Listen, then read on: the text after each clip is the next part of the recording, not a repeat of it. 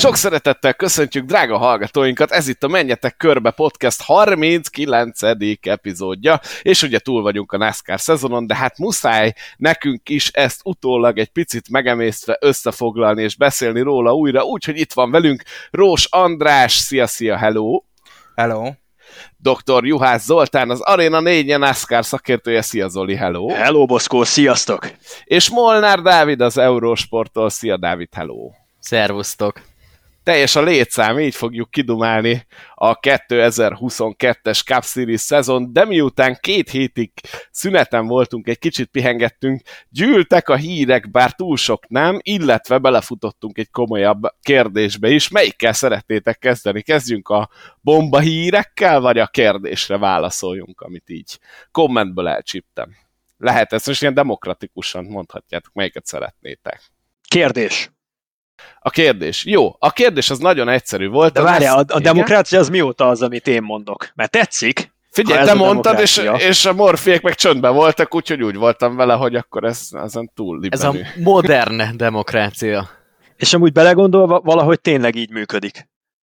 Hát egy, akkor mondom úgy, hogy egy igen, és kettő tartózkodás mellett eldöntöttem, hogy a kérdéssel kezdjük én, mint az ülés vezetője. A kérdés pedig a NASCAR rajt számaira vonatkozott, mégpedig az, hogy hogyan kapják az autók vagy a versenyzők a rajtszámokat, milyen jelentőségük, egy kicsit beszélgessünk erről, mert hát ugye az európai nézők nagy része, így aztán a magyar nézők is, akik esetleg újak a NASCAR-ban, ahhoz vannak szokva, hogy például a Form 1-ben vagy kiválasztod ugye a rajtszámodat, vagy pedig a bajnoki helyezés alapján lehetőséged van azt a számot számot elvinni, amennyire én tudom, legalábbis régen ez volt, annyira nem vagyok képbe, de szerintem manapság még mindig így megy. Hogy van ez azonban a NASCAR-ban? Mi alapján vannak a rajtszámok? Miért olyan fontosak a rajtszámok? A rajtszámokat a NASCAR osztja ki, a NASCAR határozza meg, hogy egy adott évben melyik csapat használhatja, van összesen, ha jól számolom, akkor 110 rajtszám, ami kiosztható, dupla nulla, 01, 02, stb. És ugye 1-től 99-ig a rajtszámok, és a rajtszámok a NASCAR-nak a tulajdonát képezik, a NASCAR pedig ezt leasingeli, illetve leasingbe adja a csapatoknak. Természetesen vannak ikonikus kombinációk, mint például a Richard Childress féle 3-as, vagy a Hendrik Motorsports féle 24-es, 48-as, lehetne sorolni bőven. Összességében ez a rajtszám, ez nem a csapatnak a tulajdona, bármennyire is összemosódnak a határok. A csapatnak a grafikai megjelenés, meg az a fajta védjegy, ami a rajtszám köré összpontosítható, az a stilizált megjelenés, az a NASCAR adott csapatának a abszolút hatalma alatt áll, viszont magukat a rajtszámokat, azokat a NASCAR osztja ki, vonja meg, és érkezési sorrendben lehet ezekre pályázni. Tehát, hogyha mondjuk két csapat is leadja az igénylését egy adott rajtszámra, akkor érkezési sorrendben fogják őket kiszolgálni. Ha jól tudom, akkor vannak ilyen elhíresült sztorik, hogy például a 24-es az úgy alakult ki, hogy eredetileg Hendriknek volt az 5-öse, meg a 25-öse, és leadtak egy kérelmet a NASCAR-nak, hogy adjanak még egy rajtszámot, ami az 5-ösnél nagyobb, de a 25-ösnél kisebb, hogy a kettő közé be tudják csoportosítani, és így osztották ki az azóta legendássá vált 24-es rajtszámot. Vagy például, ha már Jeff Gordonra rákanyarodtunk, amikor Jimmy Johnson-t odaédesgette a Hendrick Motorsportshoz, akkor állítólag úgy igényelték meg a 48-as rajtszámot, hogy Jeff Gordon azt mondta, hogy én sem vagyok kutya versenyző, de ez a Jimmy Johnson nevű gyerek, na ez kétszer olyan jó, mint én. Kétszer 24 legyen 48.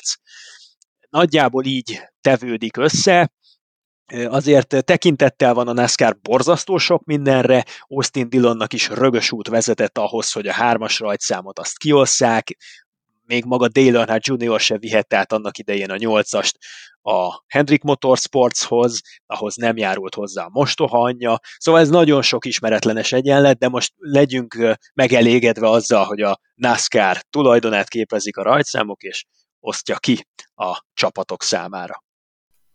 Igen, és egyet elfelejtettél mondani, egy rajtszámot, aminek nem tudom a történetét, de ugye a 43-as Richard Pett, és ugye ez már évek óta Petiék tulajdonát, úgymond tulajdonában van. Tehát valószínűleg, hogyha ez a csapat megszűnne, amire ugye Jimmy Johnson érkezésével egyre kisebb az esély, akkor is ez a 43-as ehhez a 43-as rajtszámhoz nagyon rögös út vezetne. Egyébként én gondolkodtam egy olyan írományba, aztán lehet, hogy majd itt szépen elkezdem összegyűjtögetni a, az off-seasonbe, hogy melyik rajtszámmal ki volt a legjobb versenyző. Mert ugye nyilván hát most a 48-assal egyértelmű, hogy Jimmy Johnson, 43-assal egyértelmű, hogy hogy Richard Petty és stb. stb. De például ugye Joe Gibbs Racingnél ö, meg lehetne említeni Labontit, aki szintén a 18-as rajtszámmal ment, és ugye ő bajnoki címet is nyert velük, úgyhogy ott azért lehet kérdéses az, hogy, hogy ő vagy, vagy Busch -e a, a legnagyobb 18-as rajtszámú versenyző, de de valóban, tehát itt ez, ez néhány csapatnál érdemes lenne végignézni, hogy pontosan azzal a bizonyos rajtszámmal ki volt a, a legnagyobb versenyző. És hogyha már rajtszámok, és ki volt a legnagyobb versenyző az adott rajtszámmal, ugye van egy olyan statisztika, hogy melyik rajtszámmal hány győzelmet értek el. Na tippeljetek, melyik a leggyőzelem gazdagabb rajtszám a NASCAR-ban? Hát én 14-esre tippelek. 14-es? Mondj egy párat! Milyen pár? Pár miért? Hát egy pár győztest a 14-esre. Hát Tony Stewart. Igen. Chase Briscoe. Összesen van neki 33 talán. Ch- Chase Briscoe.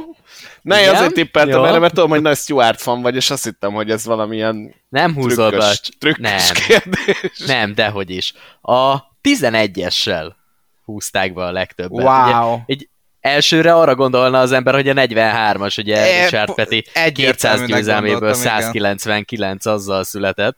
Azonban a 11-es autóval, amit azért elég sokan vezettek itt az évtizedek során, hogy ez volt Cale Yarborough rajtszáma is, uh, Nedgerett is ilyen rajtszámmal ment, ha jól emlékszem, akkor Terrell volt, Ripnak is volt uh, 11-es az autója, úgyhogy uh, hát most meg ugye Danny Hamlin az, aki évek óta viseli ezt a rajtszámot, úgyhogy hát vannak itt legendás rajtszámok a mezőnyben. Ugye a hármast azt mondtátok már korábban, a kettes autóval is azért éveken keresztül nagyon sokan nyertek, ugye a, az utóbbi egy évtizedben talán Brad Keselowski vitte a legtöbbre kettes rajtszámú autóval, de hát ugye annó még Dale Earnhardtnak is volt két, kettes rajtszámú kocsia, szóval tényleg bizonyos rajtszámok azért összekötődtek bizonyos csapatokkal és bizonyos versenyzőkkel.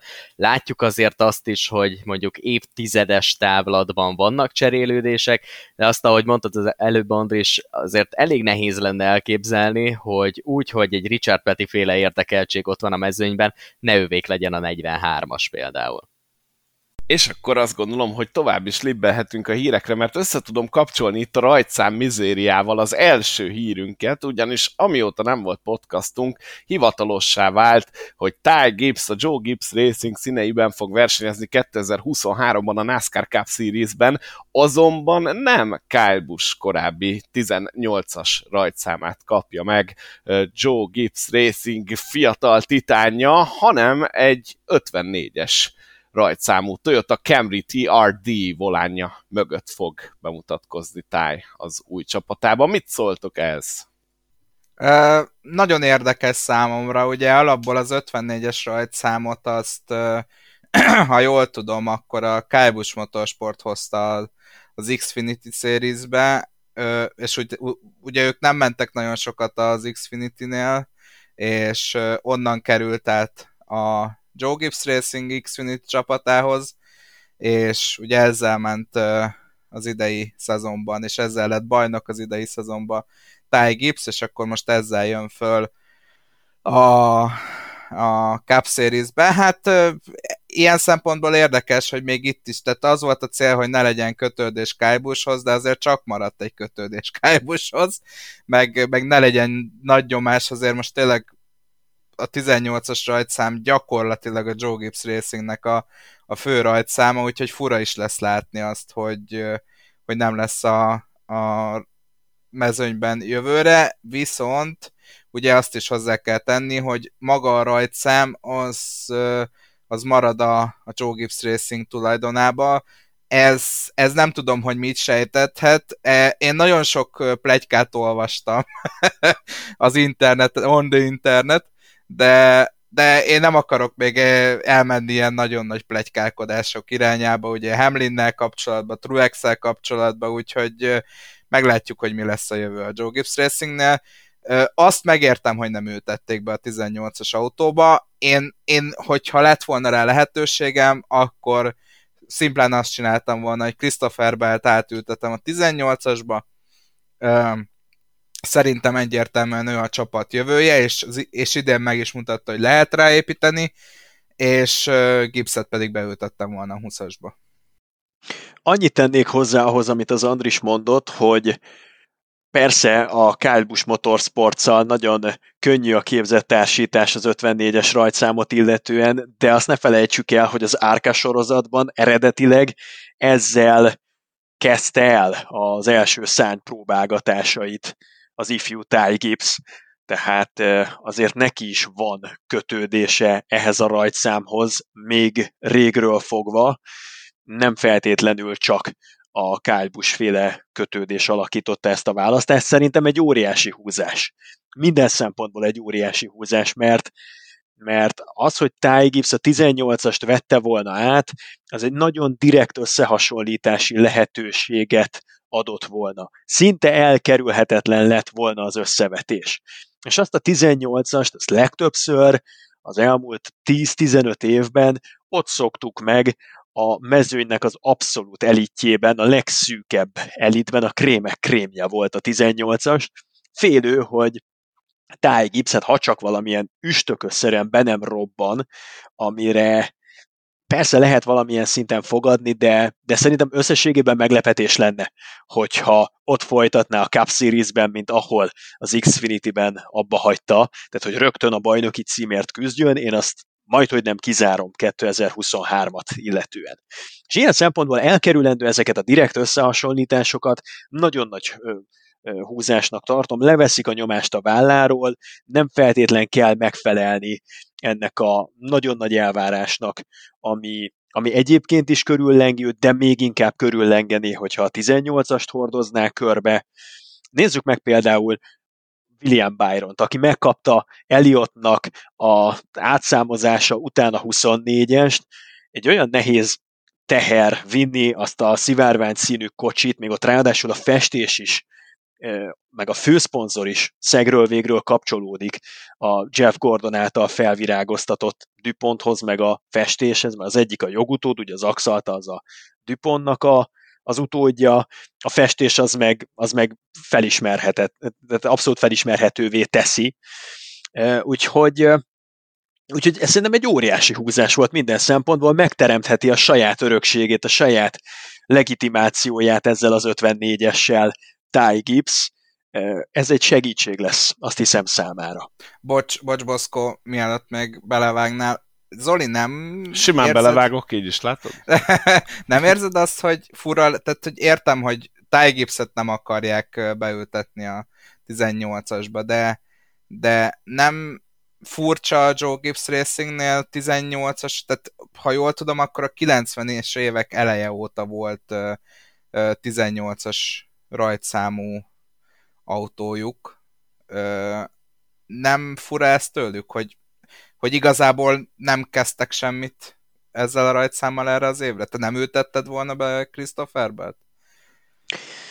Nem tudom, nem akarok ízléstelen lenni, csak most hirtelen az jutott eszembe, mint ez a szarkofág a Csernobili atomerőműnek a helyén. Tehát, hogy akkora nagy elefántot hagyott ott a konyhában Kyle Busch a kiválásával, hogy azt a 18-as rajtszámot népszerűvé tenni, eleve Ty Gibbs is hozza magával a nagy kabátot, mert nem egy közönség kedvenc, hogy finoman fogalmazzak, és még akkor megkapná a közutálat tárgyának örvendő rajtszámot, a 18-ast, és ugye annak minden koronázási ö, ö, kellékét, hát nem tudom. Szerintem az, az meg még inkább nehézé tenni az egyébként se túl egyszerű beilleszkedését a kupasorozatba Ty Gibbsnek, Úgyhogy ilyen szempontból könnyebb volt azt ott elkeríteni, egy ilyen demilitarizált övezetet csinálni a 18-asból, és, és most ezt fogjuk kerülgetni egy pár évig valószínűsíthetően, egyáltalán nem vagyok benne biztos, hogy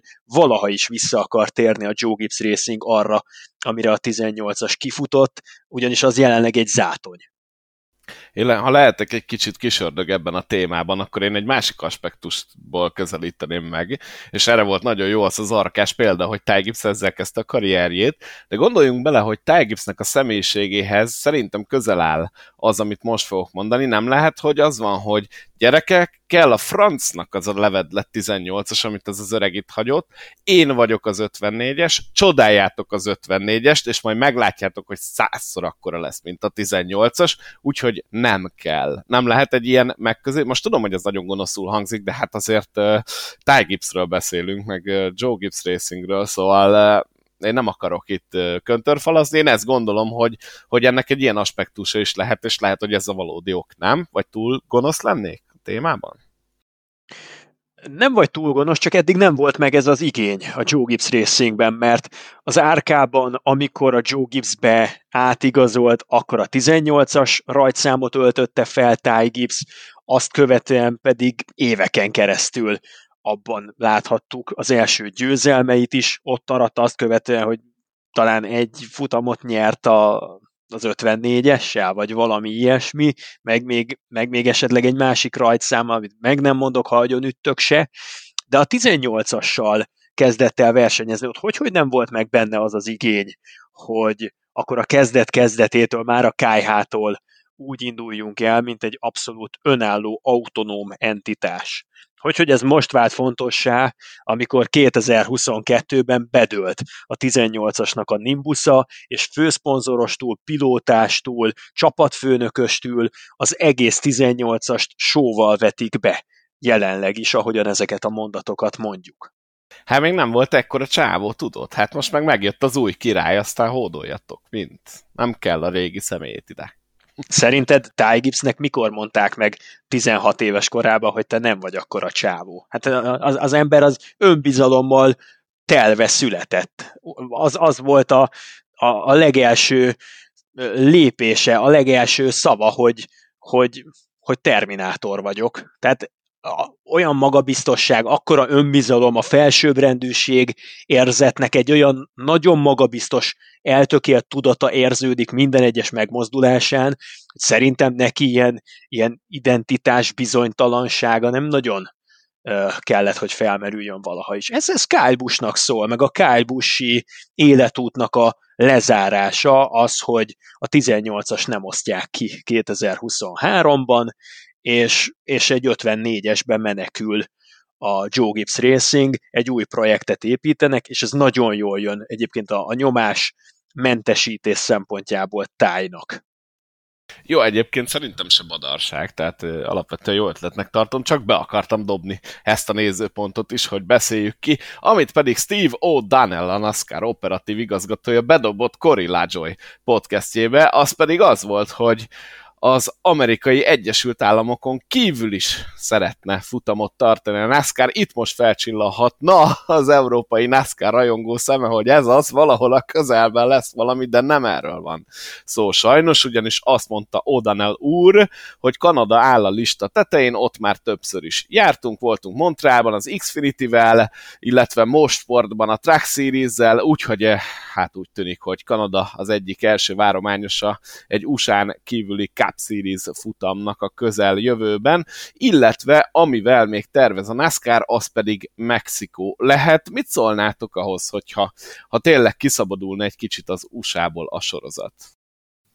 nem lenne egy rossz dolog, bizonyos szempontból. Olyan szempontból szerintem nagyon nehéz lenne kivitelezni, hogy a NASCAR naptára egy eléggé feszes versenynaptár, amiben eléggé nehezen lehet beletűzdelni olyan versenyeket, ahova nagyon sokat kell mondjuk utazni. Ezért is van behatárolva az, hogy hova lehet menni. Hát ugye lehet menni Kanadába, Kanadába lehet menni Mexikóba, és olyan nagyon messzebb hova tudnának elutazni? Hát ugye volt egyszer egy kétszer, háromszor egy japán uh, kiruccanása a NASCAR-nak, még a 90-es évek végén, de hát egyrészt annak sem volt túl nagy az sem övezte túl nagy lelkesedés a versenyzők részéről, másrészt ugye az egy olyan verseny volt, ami a bajnokságban nem számított bele. Most azért, hogy nehezen tudnám elképzelni, hogy az egész cuccot mondjuk egy hét alatt, vagy, vagy fél hét alatt átutaztatják Kanadába, vagy Mexikóba, bármilyen versenyhelyszíne, teljesen mindegy,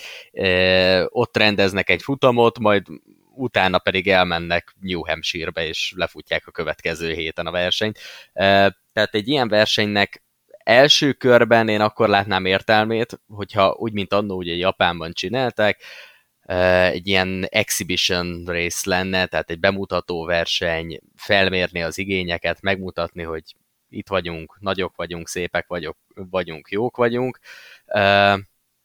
és utána lehetne elgondolkozni azon, hogy akkor ennek mi is lehet a folytatása. Olyan szempontból mindenképpen egy pozitív dolog lenne, hogy nemzetközi szinten megmutatná magát a NASCAR, és nem kéne ahhoz NASCAR rajongóknak akár több ezer kilométereket utazni, vagy több tízezer kilométert utazni, hogy NASCAR versenyt lássanak élőben, olyan szempontból viszont én egy kicsit hitetlenkedő vagyok, hogy ennek hosszú távon egy ilyen versenyzési formánál, ami abszolút Amerika bázisú, és mondom, ilyen feszes versenynaptárral rendelkezik, ebből hosszú távon valami jó dolog sülhet neki.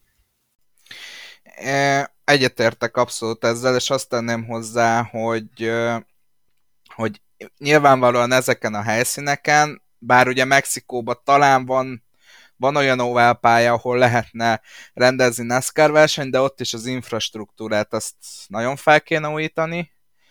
Um, Bocsáss, de... még Pueblára emlékszek, Igen. ugye ö, ott a mexikói, vagy a helyi NASCAR sorozat megy is. Ö, az egy oválpálya, viszont azzal vannak olyan problémák, tavaly rendeztek egy Formula E versenyt, gyakorlatilag használhatatlan volt a pálya, esőzések után az óriási repedésekbe úgy megállt a víz, hm. hogy e, még órákkal később is szivárgott az aszfaltból, úgyhogy csak hogy így az infrastruktúrát így megemlítsük, hogy milyen állapotok vannak arra felé, és e, hát igen, ez is hát egy figyelj, szempont. hogyha Wilkesboro-ban rendeznek versenyt. Jó. Tehát ott szerintem fölkészítik majd ezeket a versenyzőket, meg csapatokat, meg autókat az ilyen körülményekre. Én, én Mexikóba azért látok nagyobb esélyt, szimplán azért látok nagyobb esélyt, mert van egy Daniel Suárezünk a, a mezőnyben, aki hát egy picit NASCAR lázba hozta az országot. Picit olyan, mint Indikárba a Hunkos Hollinger, aki aki ugye argentin csapat, és akkor próbálják Argentinába elvinni az indikárt, tehát szerintem Suárez erősen fog kampányolni a Máriát, hogy legyen egy mexikói verseny. A, a, a bajom az, hogy, hogy ez valószínűleg mind Kanadában, mind Mexikóba épített pályás versenyt jelentene. És már így is szerintem a limitjén vagyunk annak, amennyi épített pályás verseny elfér a naptárba. Szerintem akkor viszont búcsút kéne mondani valamelyik eventnek, ami nyilvánvalóan nem Chicago lesz, mert az ők hosszú távú, tehát maga a város ugye hosszú távú szerződés kötött a NASCAR-ral, és akkor Sonoma Watkinsglen, ami gyakorlatilag a két legendás épített pályája a naptárnak, eltűnhetne, szóval bocsánat, szóval nem, nem, nem tudom, hogy minek a helyére lehetne hozni ezt a két versenyt, de, de nagyon sok mindennek kéne történnie, hogy ez, ez összejöjjön szerintem. Alapvetően jó gondolatnak tűnik vinni Kanadába és vinni Mexikóba a sorozatot, de én azért óvaintenék bárkit attól, hogy ebbe bármit is belelásson. Ugyanis nem igazán sikerültek ezek a kezdeményezések, mérsékeltek voltak a sikerei az amerikai Egyesült Államok területén kívül rendezett NASCAR eseményeknek, legyenek azok pontszerző versenyek, vagy bemutató versenyek. E, másrészt pedig egy nagyon veszélyes terepre is érkezhetünk. A Clash az megmutatta, hogy a NASCAR képes olyan versenyzési formátumot megteremteni, ami élvezhető, összecsomagolható, elszállítható és kicsomagolható gyakorlatilag bárhol. Van egy futballstadionod, egy olyan nagyobb bacska, ami mondjuk egy atlétikai rendezvénynek is képes otthont adni, hogy legyen egy, egy, egy legalább 400 méteres futópálya befogadására alkalmas alapterülete ennek a stadionnak, és akkor ott a NASCAR nagyon vidáman el tud szórakozni. Ezt a Clash stadion versenye az LA Coliseumban idén igazolta.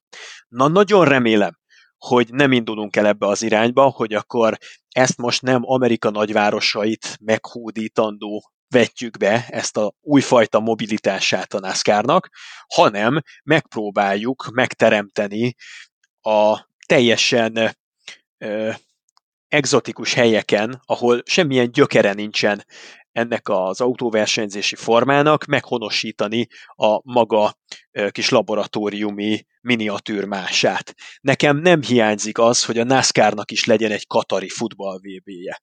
Tényleg nem akarok ilyet. Tehát a NASCAR-t, akik szeretik, azok jellemzően önmagáért szeretik. Azzal a fajta millióvel, ami körül lengi, és ami az első másodperctől érezhető, beszívható, megtapasztalható, és ez nem összecsomagolható, és nem teremthető meg akárhol. Nem bánom, évente egyszer-kétszer lehet bolondozni, csak már annyi a bolondozás, a Chicagói utcai verseny, a Clash futam, a rótpályáknak a telítettsége, hogy ugye, hogy Atlantát szuperspeedway-esítettük, stb., hogy ennyi bolondéria már túl sok lesz talán. Nekem nem hiányzik még egyszer, mondom, egy katari futball VB, ahol gyökerét meg identitását veszített ö, ö, kísérletet látunk arra, hogy olyan helyen teremtsenek meg valamit, ahová az, az nem tartozik, vagy nem elegyedik vele úgy Isten igazából. Én ezt nem tartom egy jó iránynak tereljük a témák szerintem vidámabb hírek felé, ugyanis Cole Caster bajnok esélyessé lépett elő, és marad. Azt jó Micsoda aspektus, gyerekek! Azért ez Zoli erre valami, valami kommentet mondja. Én szóhoz se jutok.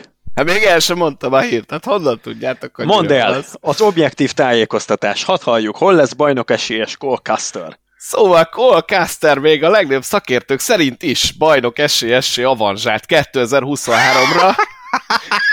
Egyre jobb!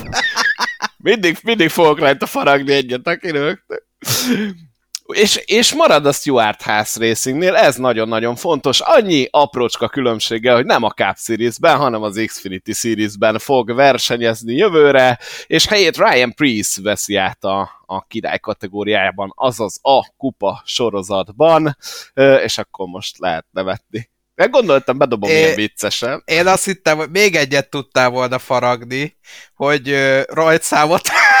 Hát, mielőtt még elmondod az Xfinity is És Gene, Gene Haas kedvence még így is lehetett volna mondani, hiszen összeakadtak Tony stewart hogy Ryan Priest vagy Cole Caster-t ültessék az autóba, de Stewart azt mondta, hogy, hogy nagyon-nagyon elégedett Ryan Priest idei munkásságával, amit ugye főleg a szimulátorban töltött el, és segített a csapatnak ezzel a Next Gen autóval megtalálni a megfelelő beállításokat, illetve rengeteg jó adatot szolgáltatott. Úgyhogy Priest újra lehetőséget kap a Cup Series-ben. Ugye Priestről már beszéltünk egy korábbi adásban, azért azt tudni kell, hogy ő nem lesz újonc, hiszen 115 versenyt teljesített már Ryan Priest 5 év alatt a Cup Series-ben. Ebből van egyébként 9 top 10-es győzelme, és Daytonában amúgy szokott remekelni. Van egy 8 és egy 6 helye is Daytona 500-ról.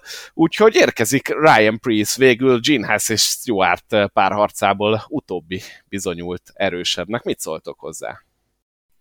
Uh, nem lepett meg, tehát uh, amikor uh, ott a szezon vége fele már nyilatkozott uh, Gene Haas, akkor már én azt éreztem, hogy picit olyan lemondóan, tehát uh, tehát ö, vala, valószínűleg arra várt, hogy valamelyik szponzor, vagy, vagy bárki fölvegye velük a kapcsolatot, hogy, vagy a nézők, hogy na de hát adjanak még egy, egy esélyt ö, Colcasternek. Csak az a baj, hogy tényleg nem tudsz vitatkozni egy Tony stewart aki akkor a tehetségeket fedezett föl, hogy, hogy, hogy tényleg egyszerűen nem lehet vitatkozni az ő ítélő képességével, és hát Gene Haas is engedett végül ennek a dolognak, azért én kíváncsi lennék, hogy például megnéznék egy interjút Joe Casterrel, aki ugye a, a Colcasternek az édesapja és a Stuart Hess Racing elnöke, hogy ő neki mi a véleménye erről a dologról, de hát nyilvánvalóan Stuart, Tony Stuart ugyanolyan társtulajdonos a csapatba, megvan a joga az ilyen döntésekhez, és valószínűleg Gene Haas is azt mondta, hogy akkor higgyünk Toninak, és ö, ö, remélem, hogy nem az lesz a vége, hogy akkor itt most jön a szurkolás, hogy bukjon be Ryan Priest házszék részéről, és remélem, hogy meg fogja kapni azt támogatást, amit az összes többi versenyzőjük. Meg tudnátok-e mondani, hogy idén melyik volt az a két verseny, amin Ryan Priest elindult a Cup Series-ben, a Rick Ver Racing Doverben biztos. Igen, Dover. Ott jól ment.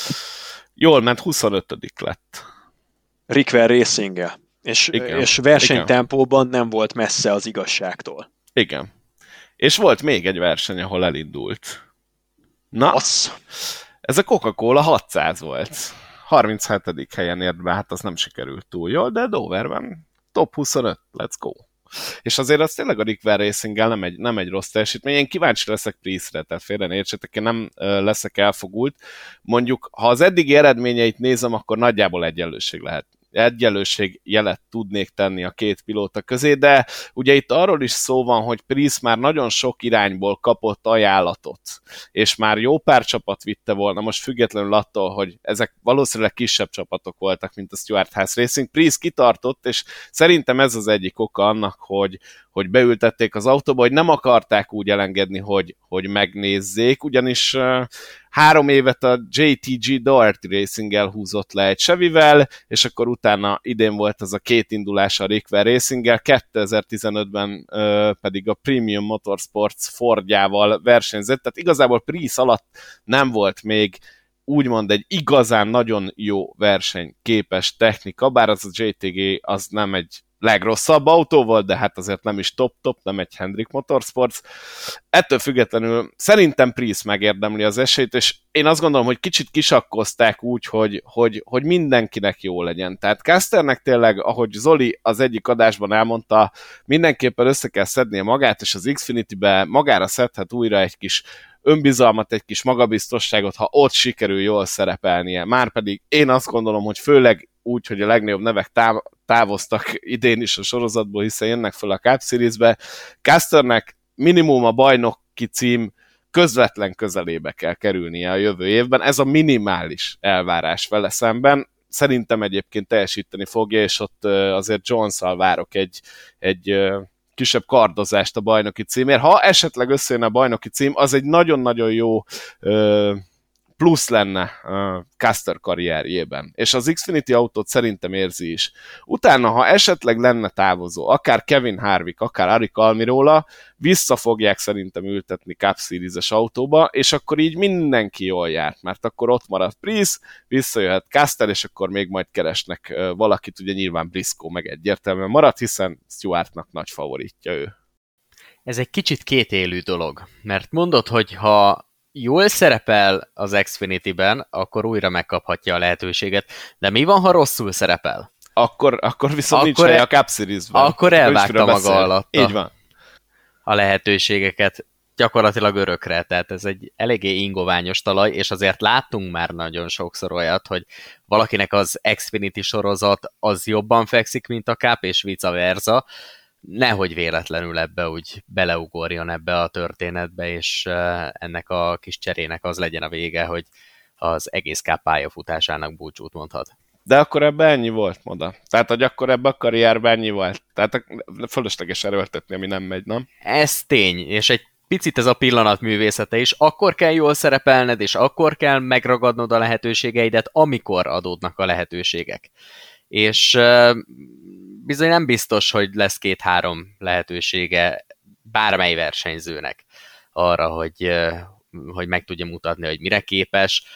Ő most nyilván kapott egy lehetőséget a kábban, a kövő, következő szezont az Xfinity-ben fogja teljesíteni, viszont hogyha ott is beleszürkül a mezőnybe, akkor abból komoly problémák lehetnek a pályafutását tekintve.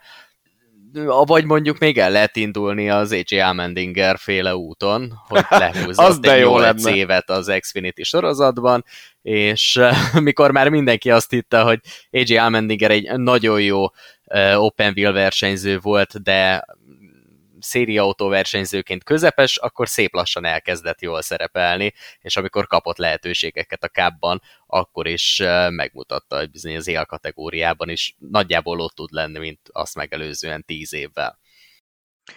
Alapvetően én örülök annak, ami történt. Ryan Prince-ben érzem azt a tüzet, azt a fajta tehetséget, ami elégséges lehet egy jó, nagyon jó kupás pályafutáshoz, és igazán nem kapta meg az esélyt soha, hogy kibontakoztassa ezt a tehetséget. Jó látni, mert egy kék galléros fickó, egy, egy nagyon sok áldozatvállalással idáig eljutó Ryan Priest, aki akármikor valahogy vakvágányra került a pályafutása, akkor megtalálta a módját, hogy visszatérjen. Ha alacsonyabb szériákba beraktad őt, akkor helytált. Az, amit a Modified Touron az elmúlt tíz évben letett az asztalra, az megkérdőjelezhetetlen. Az, hogy a Ryan Priest szabadügynöksége alatt érkeztek megkeresések hozzá, és ha nem is dúskált a szerződés ajánlatokban, de azért neki lett volna máshol is helye, nem csak a Stuart House Racingnél, az, az egészen pontosan megmutatja a különbséget, hogy hol tart Ryan Priestnek jelenleg a pályafutása, meg hol tart Cole Custernek jelenleg a pályafutása. Cole Custer, ha nem lenne az édesapja támogatói köre, akkor 2023. január 1-től munkanélküli lenne. Ryan Priest a Stuart House Racing nélkül is autóversenyző lenne, méghozzá a javából. Cole Castor megkapja egy lehetőségét, az élete talán legnagyobb lehetőségét arra, hogy megmutassa az Xfinity-ben, amit elkezdett építeni, és amit felettetett velünk az elmúlt három esztendő, az a Colcasteri út, és nem az, amit láttunk az elmúlt három szezonban. Nagyon rossz irányt vett az ő pályafutása, nem lett volna szabad még egy negyedik évet belerúgni ebbe a focilabdába, mert a vektort azt nagyon rossz irányba húzta az előző három esztendő. Én legalábbis ezt gondolom. És egy utolsó gondolat e körben, Danny Hamlin szokta mondogatni, hogy talán az autósportok teljes égiszét figyelembe véve a legnagyobb a különbség az Xfinity meg a Cup Series között. Ennyire távol egy utánpótlás nevelő vagy betét sorozat a fő eseménytől nem nagyon van, mint itt a NASCAR-ban. Magas a kerítés, ami elválasztja az Xfinity-t a Cup-tól. És Cole Custer volt az a figura, aki az Xfinity-ben talán mondhatjuk, hogy kinőtte magát, de ezt a nagy kerítést ezt úgy tudta megbászni, hogy bakot tartottak neki, és eljutott odáig, hogy a bal lábát meg a bal kezét így át tudta vetni a kerítésnek a csúcspontján, és fennakadt rajta, három éve meg ott lóg, és mindenki, aki arra jár, újjal mutogat rá, hogy ott van Colcaster. Ebből kell valahogyan kikecmeregnie. Én annyi bajnoki címmel nem tudok vitatkozni, mint ami Danny Hamlinnek van, viszont azt el tudom mondani, hogy ez egy olyan szituáció, ahol a kecske is jól lakik, és a káposzta is megmaradt. Tehát én szurkolok Colcasternek, hogy összejön ez az Xfinity év, utána legalább arra lehet majd mutogatni, hogyha sikerül a bajnoki cím, hogy na, legalább ezt megnyerte. És akkor ezért adtuk neki az esélyt, mert azért ebben van valami, bár én Priestben nem látom ezt a tüzet, de hát cáfoljon rám, meg, meglátjuk meglátjuk. És egyébként a kommentelőknek mondom, hogy természetesen tudom, hogy Danny Hamlinnek nincs bajnoki címe, ez volt a poén. nem megkapom. Hogy hülye a műsorvezető. Ami egyébként igaz, csak nem ezért. Igen? Annyi, annyi, hogy egy ilyen bátor tippem van 2023-ra, hogy Priz legitim módon fog küzdeni a rájátszásért. Tehát vagy kiharcolja a rájátszást, vagy nagyon kevéssel fog lemaradni. Ezt most így borítékolom. Én ezt hát most figyelj, fölírom. Figyelj, hogyha Austin, Austin Sindrick nem makkolja be a Dayton 500 győzelmét, akkor már van egy plusz helyünk a rájátszásban. Hozzáteszem, Colcaster első Cup Series évében futamot nyert, és rájátszás szereplő volt, szóval ha bekerül futamgyőzelemmel is, még csak egyenlőség jelet tehetünk a kettő közé, úgy, hogy Priest már lehúzott öt évet a Cup Series-ben, ami jó, nem volt mindegyik teljes év, meg nem ilyen technikával, de azért neki van gyakorlata már ottan arra felé. És végigértünk a híreken. Mit szóltok? Hát ez volt a kis hírcsomag, és akkor most jön a lényeg, a szezon összefoglaló, amit mindenki várt, mindenki tűkönül, hogy mit fogunk mondani, legalábbis nagyon remélem.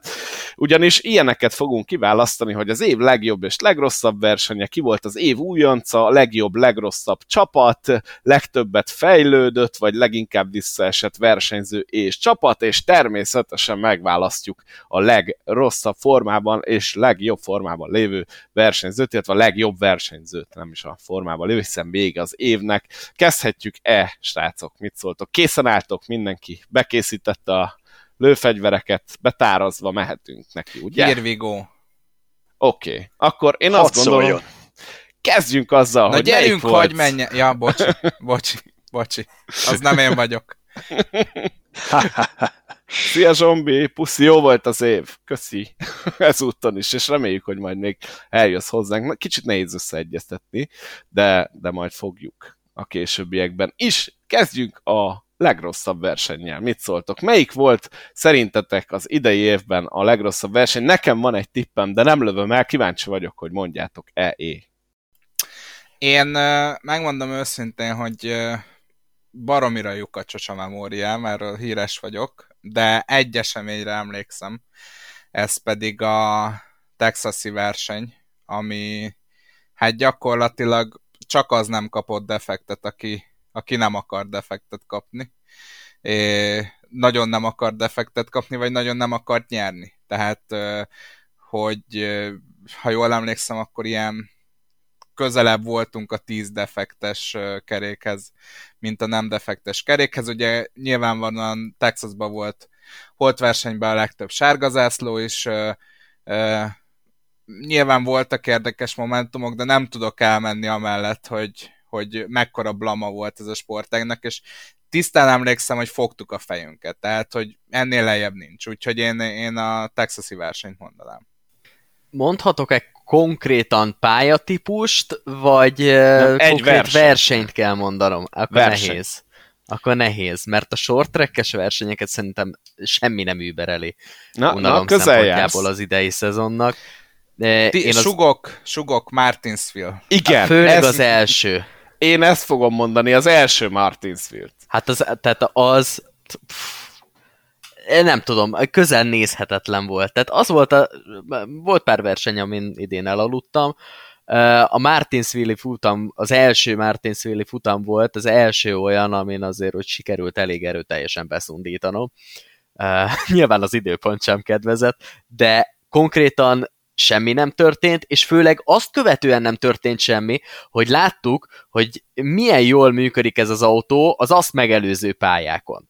Tehát addig folyamatosan arról beszéltünk az egész szezonban, hogy milyen iszonyatosan jól sikerült ez az autó, mennyire jól mennek, másfeles pályákon, super speedway-en, ilyen-olyan helyszíneken, még én azt gondolom, hogy a Richmondi verseny is azért úgy rendben volt, de Martinsville az, az aztán, az aztán nagyon-nagyon borzasztó volt. De akkor ez nekem kettő? A... Igen, tehát nekem az nagyon mély nyomot hagyott. Én, én egyébként meg tudom, tehát szerintem Texas nekem azért maradt meg jobban, mert az volt közelebb a mostani időponthoz, de, de ha oda jutunk, akkor én simán meg tudom szavazni ezt a Martinsfield, mert szerintem az agyam az megpróbálta leblokkolni annak a versenynek az emlékeit, köszi, hogy felszakítottátok a sebeket.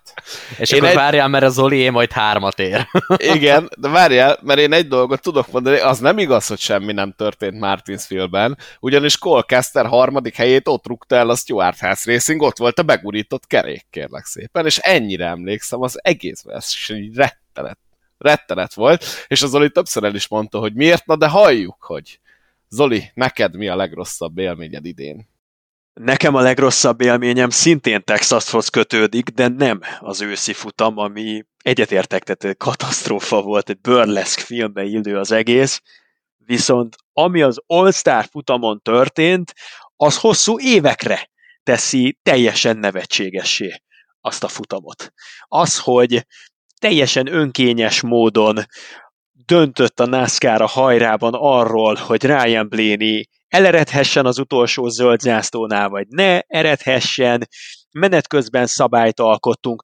A, az azt megelőző, hogy ugye Ryan Blaney lecsatolta volna a védőhálót, az azt megelőző sárgazászló, az teljesen kamu sárgazászló volt, maga a lebonyolítása az All-Star versenynek, az a fajta követhetetlenség, a mesterkélt, mesterségesen kialakítani kívánt izgalmi faktor, az, az megint egy szégyen volt, és, és a kilátástalanság, hogy a Texas Motor Speedway-t még a hetedik generációs kocsi sem képes megmenteni, az ott vált igazán nyilvánvalóvá. Az All-Starnak, a NASCAR döntéseinek, zsűriének és a pályának volt egy igazi szégyenfoltja az az All-Star verseny, emiatt nálam az mindent ver a kategóriában.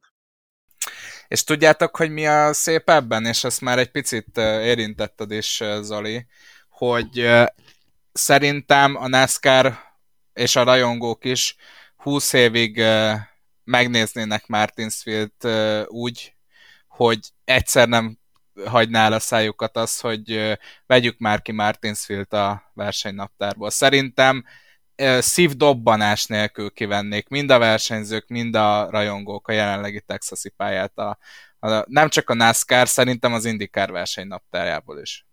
Ez biztos, hogy így van, és nagyon kedvemre szóltál. Érdekes, hogy az Indikárnak az első verseny az nagyon volt Texasban.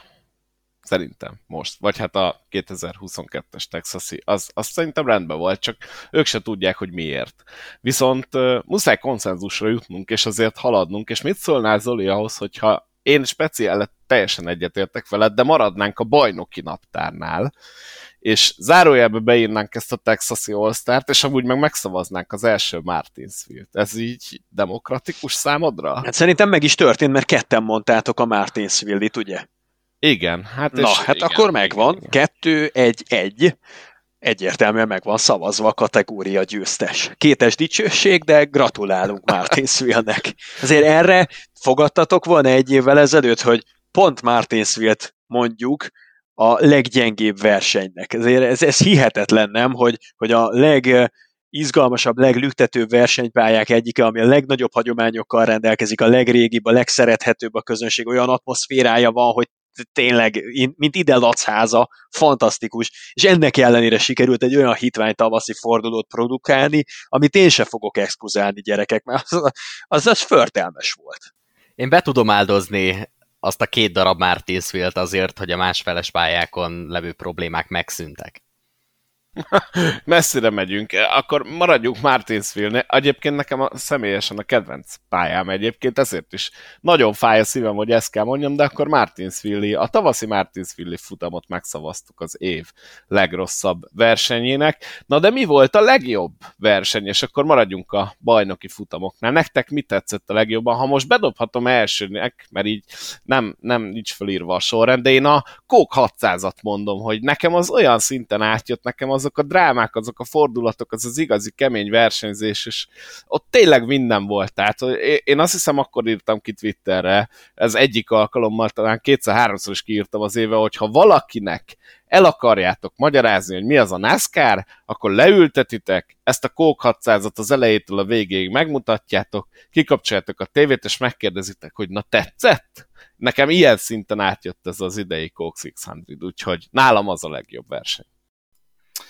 Én beírtam zárójelbe a, a Coke 600-at, illetve még egy versenyt beírtam zárójelbe, ahol óriási dicséretet adnék a mezőnynek, és, és még egy picit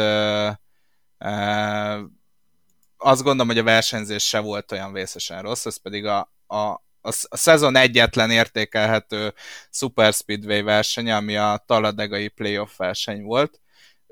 Nagyon kellemes csalódás volt. Ugye pont azt hiszem azon a hétvégén volt valami, talán akkor volt a Bowman sztori, nem tudom, de ugye nagyon óvatosan mentek a versenyzők, és ez az, azt eredményezte, hogy tényleg egész fercsaták alakultak ki az egész mezőnyben.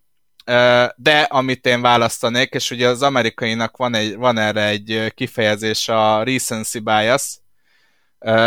Én a legnagyobb élvezettel és a legnagyobb sót azt a Bristoli playoff versenyen tapasztaltam. Egyszerűen nem volt olyan pillanat azon a versenyen, amikor ne lett volna az adrenalin szintem az egekben. Tehát annyira zseniális volt végignézni. Nem feltétlen vers- a versenyzés se volt rossz, de, de annyi minden történt, annyi fordulat volt, amit te is mondtál a Coke 600-nál, hogy egy picivel megelőzte nálam a Coke 600-at, de a Coke 600 egy közeli második a Bristoli Playoff verseny mögött. Ez szerintem egy nagyon nehéz kérdés kiemelni egy olyan versenyt, ami a legjobb volt. Mondtátok a Coke 600-at, nekem is ez jutott eszembe, úgyhogy erre fogom tenni a tippemet végül, de azért gondoljunk bele, főleg nekem, aki azért szeretem az olyan versenyeket, ahol történnek az események, ahol balesetek vannak, ahol picit hosszabbra nyúlnak a versenytávok, ahol adott esetben piros zászló is van. Tehát gondoljunk bele, ugye az atlantai versenybe, az első atlantai versenybe, amikor senki nem tudta, hogy mire lehet számítani azon a Super Speedway esített pályán. És nagyjából így is mentek a versenyzők, hogy senki nem tudta, hogy most ezt a fúziót, ezt hogy lehet így összehozni, ami Atlantából meg egy Super Speedway pályából lett. Szerintem az nem hozott egy rossz dolgot. Én a Coke 600-at azért mondanám a topnak, mert én szeretem a hosszú versenyeket, szeretem azokat a versenyeket, amik különlegesek, szeretem a nagy nevű versenyeket, és hogyha ez a nagy nevű verseny, ez mondjuk nem egy wildcard viadal, mint mondjuk Daytona, ahol bárki nyerhet, és még olyan versenyt is látunk, mint amit az idei 600-ason produkáltak a versenyzők, akkor az, az abszolút csúcs. Tehát az alsó hangon egy 5 órás viadal szokott lenni, ugye a Coke 600, engem már ezzel meg tudnak venni minden évben, az idei pedig tényleg szerintem az elmúlt évek legjobb Coke 600-asa volt. Szerencsére itt most dúskálunk a jó versenyekben, mert lehetne említeni például az első Kansas-i futamot, amit Kurt Busch nyert meg nem akár milyen körülmények között, ahogyan Kyle larson a végén körbeautózta, az, az, az egyszerűen csodálatos volt. Lehetne említeni akár a Las Vegas-i első versenyt, vagy a Fontanai futamot még tavaszról, régmúltról. Lehetne említeni a Darlingtonit itt ősszel, amit Eric Jones nyert meg a Southern 500-as, szerintem az is minden igényt kielégített. Vagy mondhatnám a Watkins Gleni futamot, a Kimi Räikkönen féle beugrással. Az is szerintem borzasztóan változatos képet mutatott, és először láthattuk igazán, hogy milyen az felszáradó körülmények között egy változó pályán Cup Series futamban gyönyörködni, de mindezek mellett számomra is a legmeggyőzőbb, a kategória győztes és megkérdőjelezhetetlen az a Coca-Cola 600. Egy 600 mérföldes versenyen keresztül, ilyen töményen, lebontva az izgalmakat, az, az szinte Hitchcocki. Úgyhogy az utóbbi évek, hanem a valaha volt legjobb versenynek tartom az idei Coca-Cola 600-at. Parádé, elejétől a végéig minden szabadnal egyetértek Boszkó, le kell pillanat ragasztózni a farzsebét annak a cimborának, aki még életében nem látott NASCAR-t, vagy látott ugyan, de azt mondja, hogy hát annyira nem jött át, öt és fél óra hosszára beültetni a tévé elé, és ezt meg kell vala, ö, valahogyan nézetni vele, mert, mert ezt, ezt én úgy, hiszem, hogy, hogy mindenki, aki szereti az autósportot, ezt valamilyen formában látnia kell, át kell élnie, ami ott történt. Ez lesz az a verseny, amit szerintem beszélhetek mindannyiunk nevében, meg fogunk nézni a téli szünetben még egyszer. Könnyen lehet. Egyébként közben visszakerestem a tweetjeimet, és nem ezt írtam ki a Coke 600-ra, ezt Las Vegas-ra írtam ki, hogyha valaki nem érti, mi a jó a NASCAR-ban, akkor tessék megmutatni neki ezt a Las Vegas-t. Bár próbáltam a Coke 600 is valami elképesztően pozitívat kírni, ott azt írtam szó szerint, hogy életem eddigi legjobb Coke 600-a, úgyhogy nagyjából akkor ugyanúgy látjuk a, látjuk a dolgokat, de azt szerintem podcastban mondtam, hogy, hogy ide le kell ültetni az embereket, és végig kell nézni, mert tényleg minden volt. Tehát, hogy ebbe, ebbe nem nagyon maradt ki olyan dolog, ami a NASCAR-ba ne lenne, és szerintem ettől, ettől volt ez, ez igazán fantasztikus, és szerintem ennek az idei kóknak még az is a, a különlegessége, hogy tényleg elképesztően hosszú, tehát öt és fél óráról beszélünk, és mégis nem volt olyan pillanat, és ezért mondtam én most főleg, hogy visszaemlékezve is a legjobb verseny, gondolom nem volt olyan pillanat, hogy én ott unatkoznék, vagy, vagy, vagy az lett volna tényleg, hogy fú, mennyi van még, mert ez nagyon hosszú, hanem tényleg csak kapkodtam a fejemet, még reklámszünetben is csak végig tudtam gondolni éppen, hogy előtte közvetlenül mi történt, és már jöttünk is vissza a showba, és már az újra rajta, és már azt kellett nézni, tehát hihetetlen intenzív volt az idei. És az volt benne a, a végkép zseniális a végén, ahogyan jöttek előre, és majdnem mindenkinek, aki még eljutott valahogy épkézlába a 600 mérföldnek az utolsó 10%-ig, valahogy mindenki vezényelt egy nagy offenzívát a győzelemért. És egy olyan seregszemle volt, előkerültek a top 5-be olyan tényezők, akik korábban soha, és jöttek, és mindenki meg akarta nyerni. Jött Chase Briscoe, jött Austin Dillon, mindenki mindenki jött. És, és, és tényleg ennyire változatos versenyt talán az egész szezonból még egyet nem tudtok mutatni, ahol teljesen legitim módon ennyi különböző győztes mellett is lehetett volna érvelni, hogy na ez azért érdemelte volna, az meg amazért. Fantasztikus verseny. Tartok tőle, hogy ez a reprodukálhatatlan kategória. Ha jól emlékszem, akkor Kyle Larson háromszor pördült meg a verseny során, és úgy haladt a, a győzelem fele a végén, e, még egészen addig, amíg Chase Briscoe úgy nem gondolta, hogy ma ne nyerjél, és ezt akartam még hozzátenni, hogy ez volt Chase Briscoe mesteri tervének a második állomása, ugyanis ugye Tyler Reddick előtt úgy jutott tovább, hogy pont az a pont mennyiség kellett neki, ami, amivel kilökte őt a Bristol Dörtön, a Coke 600-on pont annyi pontot vett el Kyle Larson-tól, hogy pont azzal a pont mennyiséggel jutott tovább a másik körbe Chase Briscoe, úgyhogy a mesteri terv az majdnem összejött neki, és ez volt az, a, a második állomása. No, hát akkor ezt megszavaztuk, tehát a Coke 600 volt az idei év legjobb versenye. Egy könnyedebb kategória felé ugrunk, ugyanis most pedig az a kérdés, hogy ki volt az év újonca, és szerintem ebben azért egyet fogunk érteni. Ugye a jelölteket gyorsan végig sorolom. Austin Sindrick, Harrison Burton és Todd Gilliland voltak hivatalosan újoncok 2022-ben, és akkor megadom a szót mondjuk Zolinak elsőképpen, hogy ő is azért a végén szóljon csak mindig hozzá, ezt így keverni fogom, mint a kását. Oké, okay. felszólítgatsz, mint a tanárok a gimnáziumban, ahol a napló kinyílik, ugye?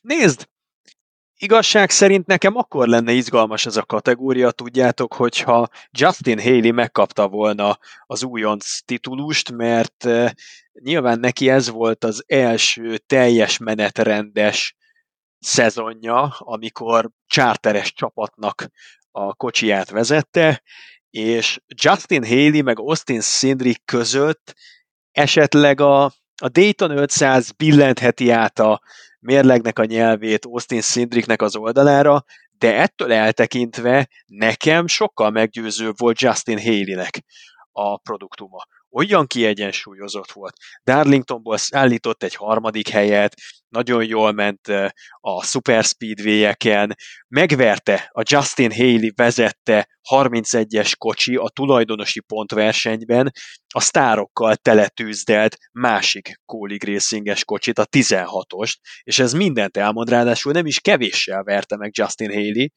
de mivel ő hivatalosan nem újonc, ezért ha Cindric Gilliland meg Harrison Burton között kell dönteni, egyértelmű, hogy Austin Cindric, és ott nem csak a Daytona 500 borítja a mérleget, hanem, hanem minden épeszű számítás. Harrison Burtonnek és Todd Gillilandnek közepes újonc évük volt, semmi sallang, mind a ketten próbálták kerülni a balhét meg a botrányt, nem vállaltak túl sokat, hasznára voltak a csapatuknak, nagyon nagyra nyílt az olló, mert Harrison Burton meg sem tudta közelíteni a penszkiseket, míg Todd Gilliland meg sem tudta közelíteni Michael McDowell-t, de ez újonc évben nem is elvárható.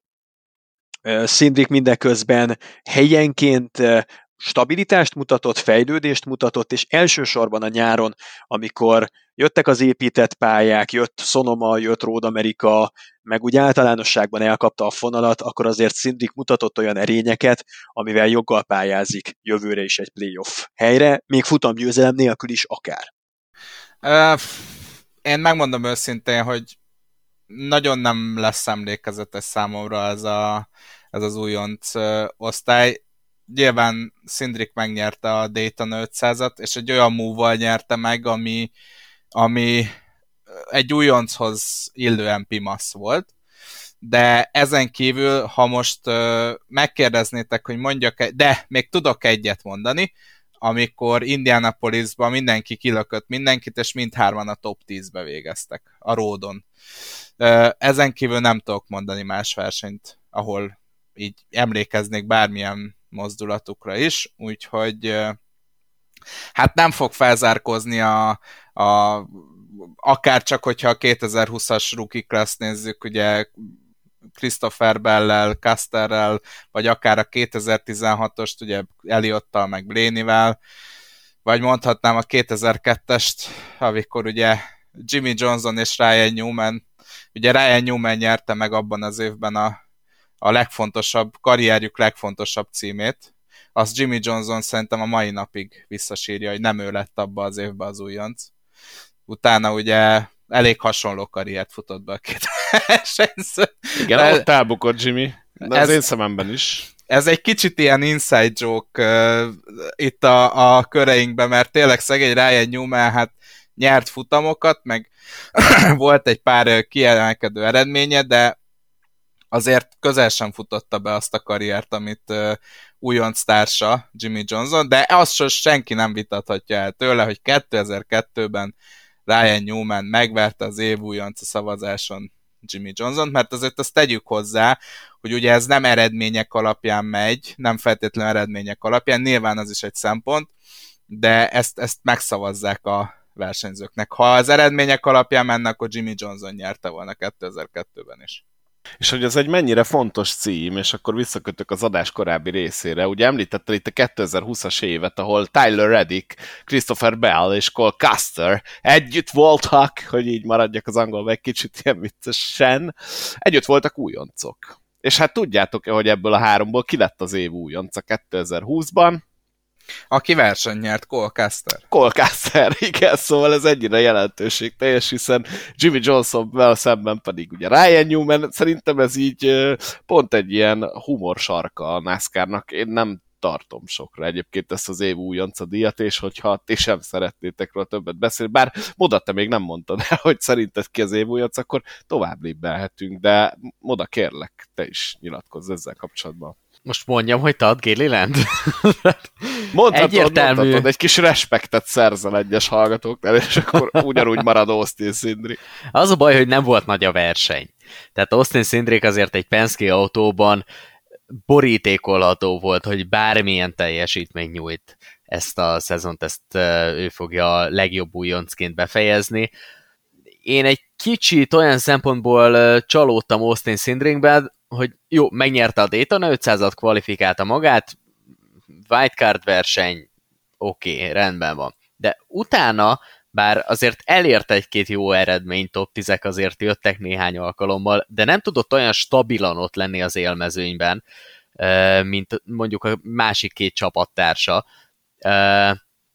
Én egy picit többet vártam, jó, újonc szezon, első évben azért tapogatózni kell, de azért ne feledjük el, hogy ez egy olyan első év volt, amikor új autó is volt, tehát azért bizonyos szempontból a többieknek is nagyon sok volt az újdonság, tehát ilyen szempontból talán most volt a legkönnyebb újoncnak lenni, mert a többieknek is nagyon sok volt, amit tanulni kellett.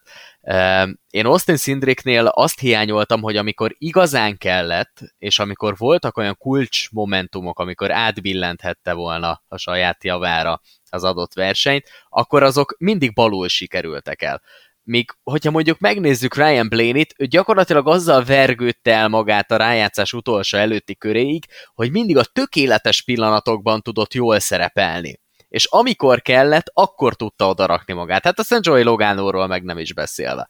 De hát uh, nyilván az egy másik kategória. Úgyhogy ha lett volna valaki, aki Austin Sindriket megversenyezteti, akkor azt mondanám, hogy Austin Sindriknek azért lehetett volna vetétársa, ebben a versenyben, és nem lett volna olyan egyértelmű, de hát így, hogy egy Harrison Burton és egy Todd Gilliland olyan versenyzők, akik tényleg közel nem él kategóriás autóban versenyeznek, voltak a, az újonc kihívók, így nem volt, nem volt igazi verseny ez idei szezonban az újon, a legjobb újonc címért.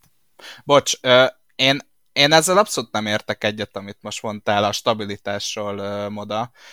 Számomra egy újonc szezonban pont, pont nem, a, nem fett, tehát egy újonctól én nem várom el azt, hogy stabil legyen. De viszont legyen kettő-három olyan villanás, ami beleég a memóriába. Most ezt nem feltétlenül futamgyőzelemnek kell lennie. Versenyezzen az első helyért mondjuk az utolsó körökbe, vagy, vagy legyen annyira gyors egy, egy adott versenyen, vagy két adott versenyen, hogy, hogy emlékezzek arra, hogy fú basszus, uh, itt azért megmutat. Még Cole Casternek is volt egy ilyen verseny az új CV-ben, és egyik srác, és egyik, vers, egyik sráctól se láttam ilyet. Tehát stabilitás szerintem újoncként nem lehet ezektől a srácoktól elvárni, de legyen már legalább egy villanásuk. Értem, Daytona. De hát... Volt, hát volt, hát fölrakta a csapattársát a győzelemére a farra. De hát, hát ez mi ez, ha nem villanás? Ezt, ezt nem mondjuk már igazi versenyzésnek, tudom, most Zoli, ne kezdjünk erről vitatkozni. ez villanás, ez az én nagyamba beleégett, hogy Ryan Blaney-t szétpusztítja Austin Cindric, az Ja, hát nem kérdés, nyilvánvaló, hogy mindenkinek a fejében meg fog maradni az a jelenetsor, és mindenki tudni fogja, pont emiatt a jelenetsor miatt, hogy Austin Szindrik újoncként megnyerte a Daytona 500-at. De azon kívül nem láttunk tőle semmit szerintem ebben a szezonban, ami annyira meggyőző lenne, hogy én uh, nyugodt szívvel, ha mondjuk tegyük fel, lenne a mezőnyben egy olyan versenyző, aki hasonló technikában ö, szerepet kapott, én nehezen tudnám elképzelni, és olyan kaliberű versenyző, mint Austin Szindrik, én nehezen tudnám elképzelni, hogy ö, ennyire, ennyire domináns lett volna az újonc versenyzésben az ő szereplése, és bármilyen csatából ő kerülhetett volna ki győztesen. Nem volt az a, az a meggyőző erő ebben a szezonban. Én még nagyon-nagyon régen annyit szerettem volna csak mondani, hogy az én legjobb tudomásom szerint már egy jó pár éve a bajnoki összetett alapján osztják ki az év újonca díjat. Tehát például Colcaster is 2020-ban nem azért nyerte meg az év újonca elismerést, mert őt egy zsűri megválasztotta volna, hanem azért, mert már akkor is az volt a kiírás, hogy aki legelőrébb végez a tabellán az újoncok közül, az automatikusan az év újonca díjnak a nyertese. És a futamgyőzelmének köszönhetően ő volt az egyetlen az újonc osztály tagjai közül, aki kvalifikálta magát a rájátszásra, ennek köszönhetően pedig egyértelmű, hogy ő volt a legelőkelőbb helyen a tabellán záró újonc, tehát nincs már benne sajnos ez a fajta szubjektív elem, hogy de bele lehet nyúlni, mert arra leteszem a nagy esküt, hogy 2020-ban annyira hitvány szezonja volt Colcasternek, az volt a három évek közül a leggyengébb a Cup Series-ben a futamgyőzelme ellenére, hogy ott Rediket is, meg Belt is, minden jó érzésű ember beszavazta volna Caster elé, még úgy is, hogy Redik és Bell nyeretlenül fejezte be a szezont, Colcasterrel meg történt Kentucky-ban, ami történt, élete újraindítását elkapta. Ennyi. Ennyi kellett. Hát tehát Cole Caster, akkor csak maradjunk a tényeknél. Cole Caster az újon CV-ben megverte Tyler Redicket és Christopher Belt. Ezek voltak, ezek voltak a számszerű tények, és akkor szerintem ugorhatunk tovább. A legjobb és legrosszabb csapatot kéne most megválasztanunk, de azt javaslom, hogy a legtöbbet fejlődött és leginkább visszaesett csapatot valahogy kössük össze, mert ki fogunk szaladni az időből. És mi lenne szerintetek, hogyha ezt így egybe tárgyalnánk? Hogy így, így kicsit az érvekhez hozzácsapnánk ezt a dolgot.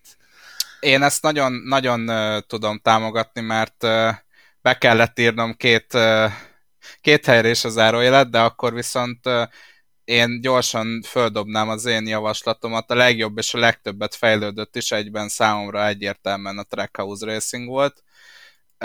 A legrosszabbnál nehezen tudtam eldönteni, hogy a Joe Gibbs Racinget vagy a Stuart House Racinget válasszam. A Joe Gibbsnek egyébként nem volt most a számadatok alapján, Danny Hamlinnek köszönhetően főleg, meg Christopher Bellnek.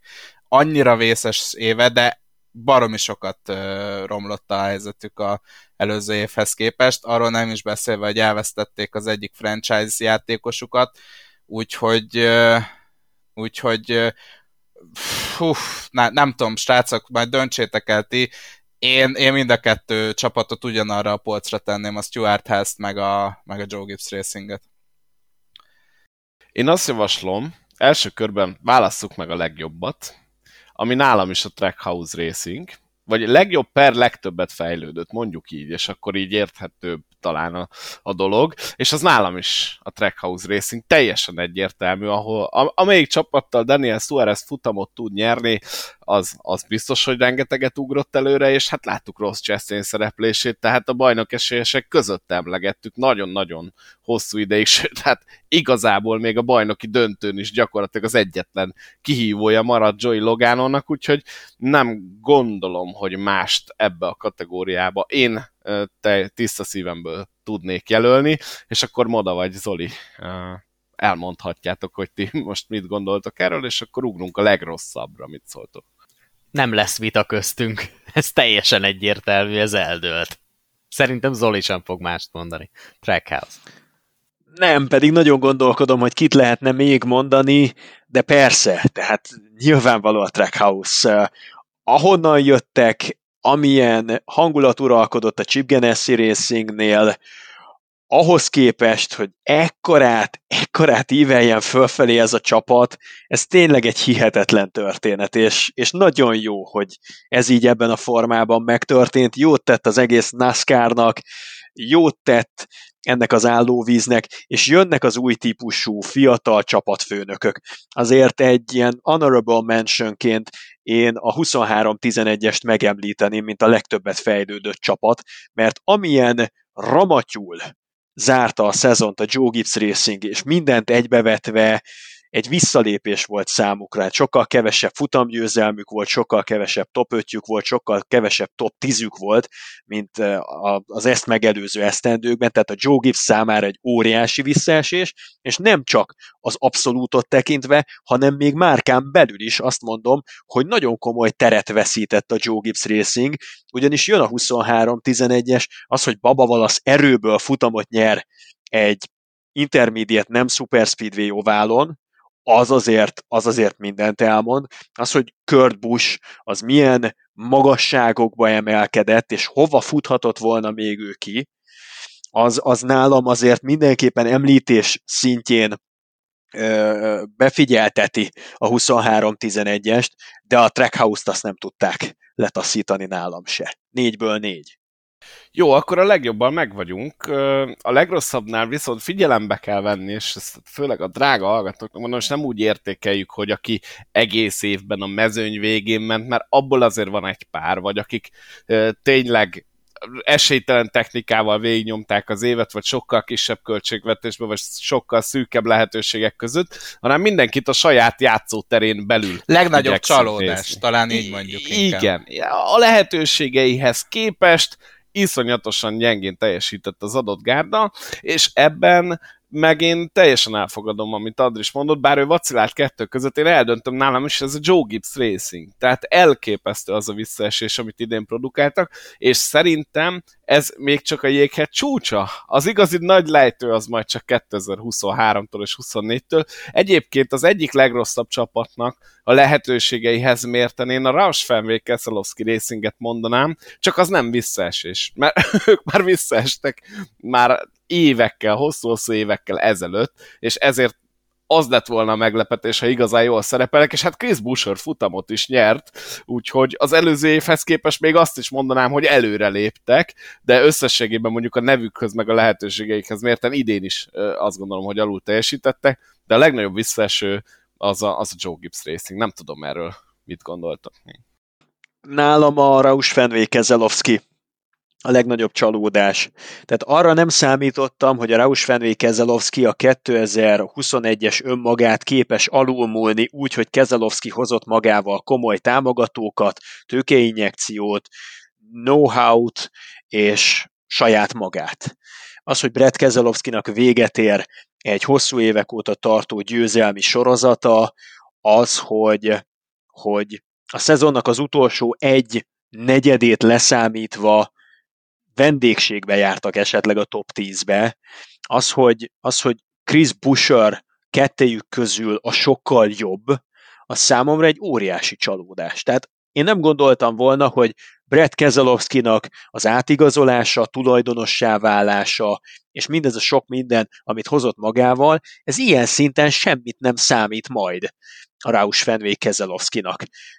Megértem persze, volt Chris Bushernek fellángolása ebben a szezonban nem egy, nem kettő, és nagyon kiárt neki a futamgyőzelem, és az valamelyest megmentette Bristolban a szezonjukat, de, de, de ez, ez velem nem tudja azt felettetni, hogy, hogy én ennél százszor jobb szezont vártam, és továbbra is keserű a számíze, hogy mi lett ebből egy kiegyenlített mezőnyben, egy hetedik generációs autóval, ahol elméletileg nagyjából eltűntek a hátrányai a Rausch Fenwaynek, és, és hogy mennyire keveset hoztak ki ebből a szezonból, az hervasztó.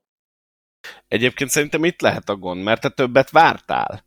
Én viszont az elmúlt 10x évet nézve, vagy a mondjuk szűk 15-öt nézve nem vártam többet. Tehát én nem feltételeztem, hogy Keszelowski érkezésével itt pikpak megváltoznak a dolgok, és ezért is nem tudom én személy szerint megszavazni őket a leginkább visszaeső vagy legrosszabb csapatnak, pontosan azért, mert nem volt honnan visszaesni.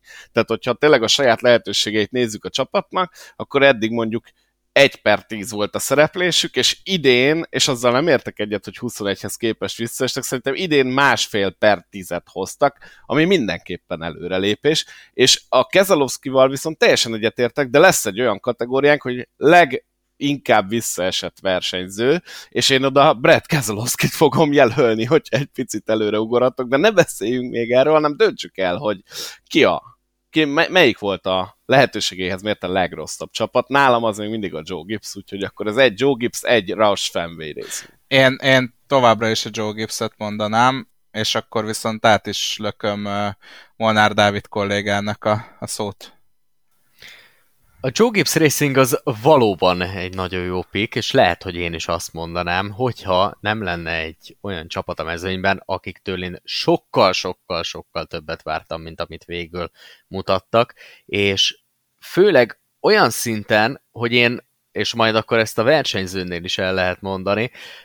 Én ettől a csapattól vártam a 2022-es szezon bajnokát, és egyértelműen azt vártam, hogy ennek a csapatnak az egyik versenyzője az majd ott lesz a toppon az új autó miatt. Én Kyle Larsonról beszélek így versenyző tekintetében. Én még télen azt mondtam, hogy ezzel, hogy új autó jön, ez, ez mindenkinek jó, illetve mindenkinek kevésbé jó, mint Kyle Larsonnak.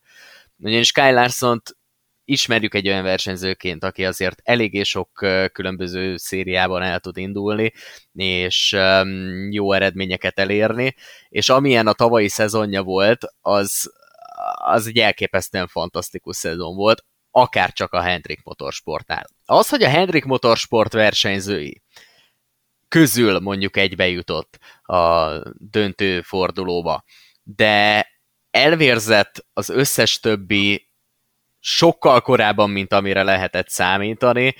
Uh, ugye William Byron és Kyle Larson az utolsó előtti körben hultak el, nyilván ugye Kyle Larsonnál volt ott egy apró kis affér, uh, Baba a falnak. Uh, ami, ami mondjuk ennek is volt köszönhető, tehát Kyle Larson azért ezt az egész szezonját zseniálisan megoldotta, de úgy összességében én a Hendrik Motorsporttól azt vártam, hogyha van szezon, amikor tarolni fognak, akkor az ez az év lesz.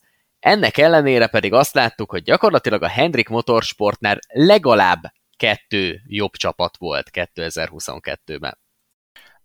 Nem feltétlenül értek egyet ezzel. Szerintem pont, hogy a, a, a, a versenyzők lőtték folyamatosan lábon magukat. Tehát ugye Larson esetében is ezt láttuk, Eliott esetében is ezt láttuk. Azért azt ne felejtsük el, hogy ha jól tudom, akkor a Hendrik nyerte az, a legtöbb versenyt 2022-ben. Chase Elliott nagyon simán lett az alapszakasz győztese.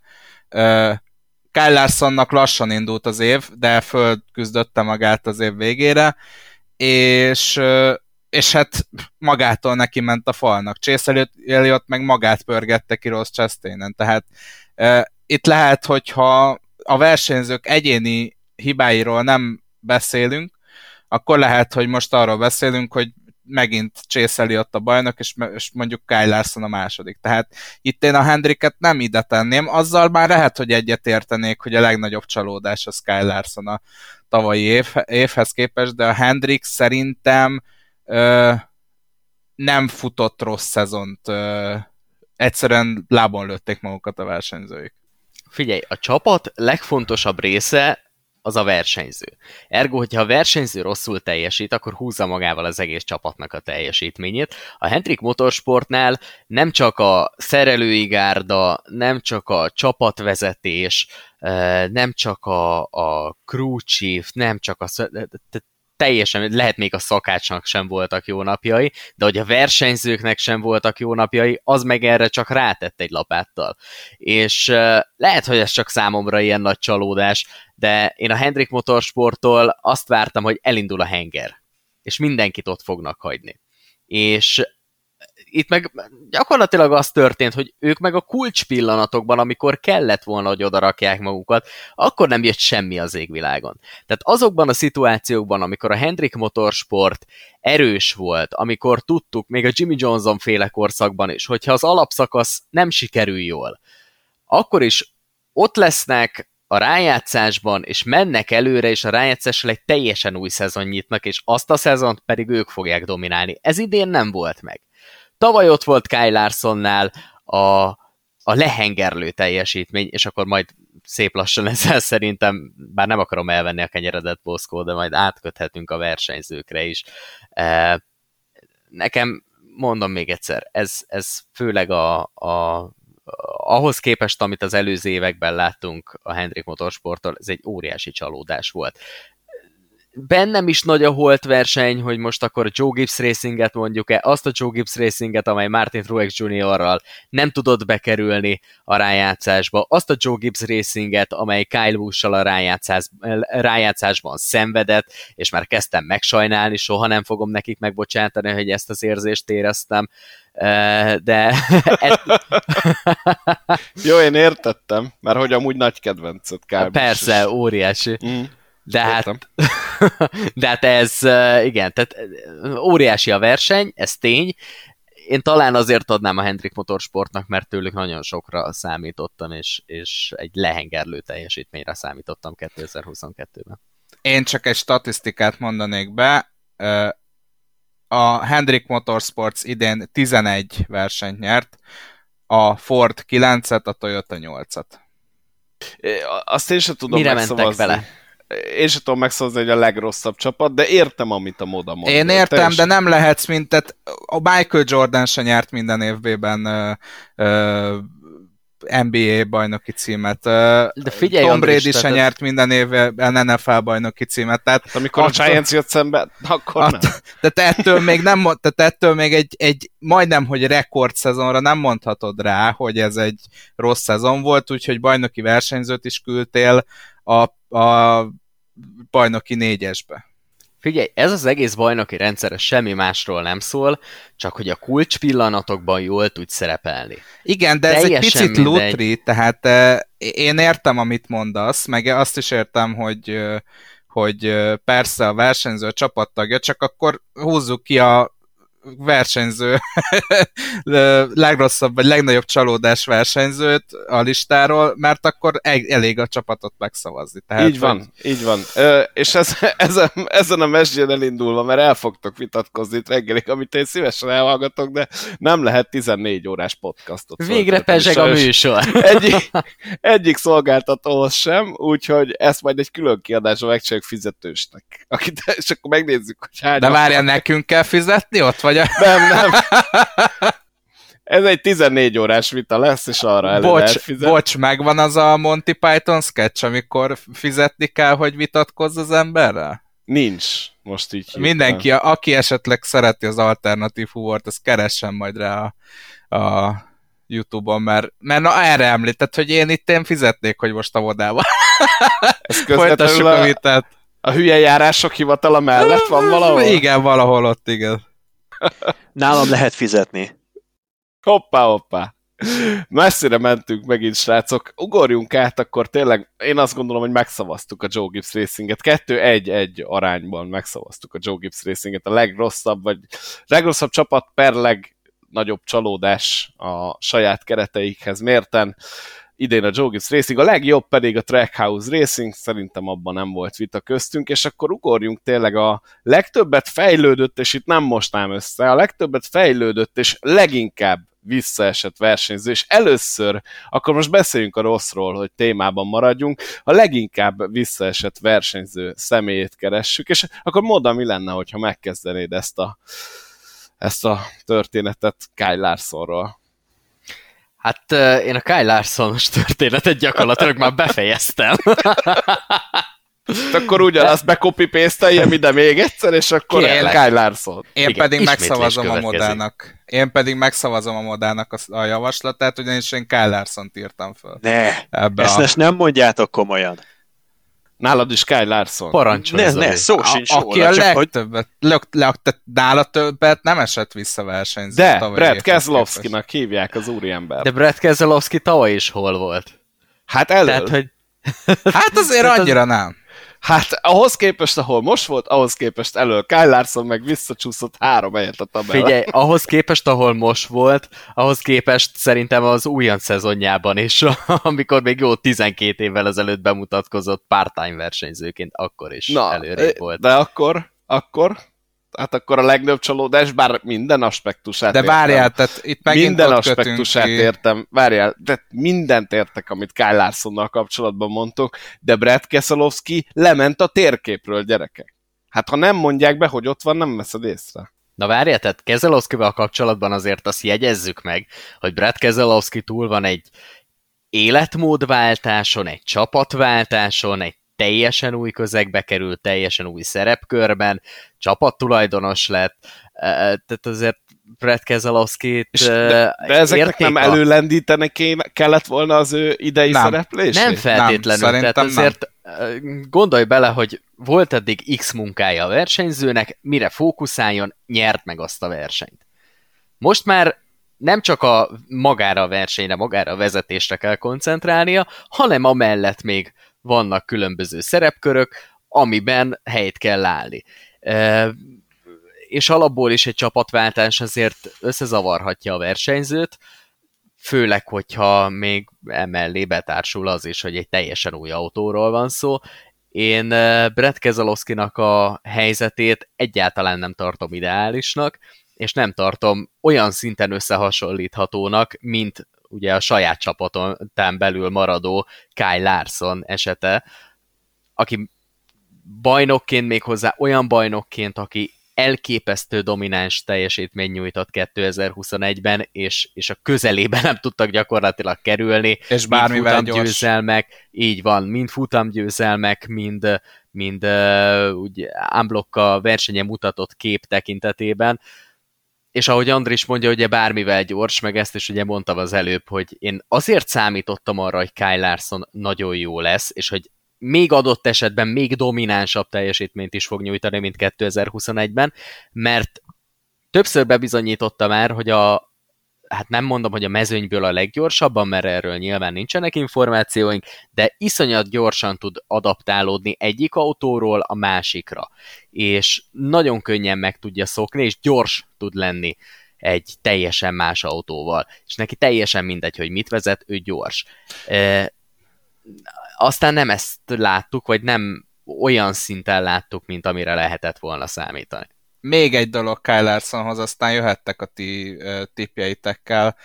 Uh, én a Larsonnak a Roválon történt falba csapódását olyan dolgok mellé tenném, mint 88-ban Ayton Senna, amikor elbambult és neki ment a falnak. Nem tudom, tehát ez, ez számomra egy olyan meghatározó esemény volt, hogy ha már csak azt az egy dolgot nézzük, már arra rámondom, hogy emiatt ő a, a legnagyobb csalódást okozó versenyző. Tehát a NASCAR legjobb versenyzőjétől én nem várnám el, hogy egy biztos bejutó szituációba ilyen amatőr hibát vétel. Tehát, hogyha már arról beszélünk, hogy ez a Hendrik Motorsportnak a, a blamája, ez abszolút Kyle Larsonnak a blamája. Én, én ezeket mind megértem, de ennek összességében is szerintem Brett Keselowski a legrosszabb, viszont én menet közben végig gondoltam, hogy Zolié ki lehet, és meg fogjátok nyerni a Larsonnal, mert kitaláltam, hogy ki Zolié, szerintem. Na gyere! Kitaláltam, és a Kylie stimmel. Csak utána Bush Igen. jön. Na, most elmondom, hogy hogy vagyok, jó? Érzelmileg. Tehát élvezettel hallgattam az eszmecserét, de azon gondolkodom, hogy azt valahogy mégiscsak meg kell akadályozni, hogy Kyle larson megszavazza a podcastünk az év legnagyobb csalódást keltő versenyzőjének, hogy szól pontosan a kiírás, ugye a leginkább visszaesett versenyzőnek. Most ez a tét, hogy 2022-t végignézve, ahol Kyle Larson három győzelmet aratott. Volt 13-szor a top 5-ben, 19-szer a legjobb 10-ben, és vezetett 600 valahány kört, meg egyébként történetesen hetedik lett a bajnoki összetetben, tehát erre a szezonra azt rámondjuk, hogy ő volt a legtöbbet visszafejlődött versenyző. Holott, tegyük gyorsan hozzá, hogy mindezek a statisztikai mutatók zárójelbe lennének téve, hogyha az éppen a moda által imént eh, ugye úgy utaltál rá, hogy picit eh,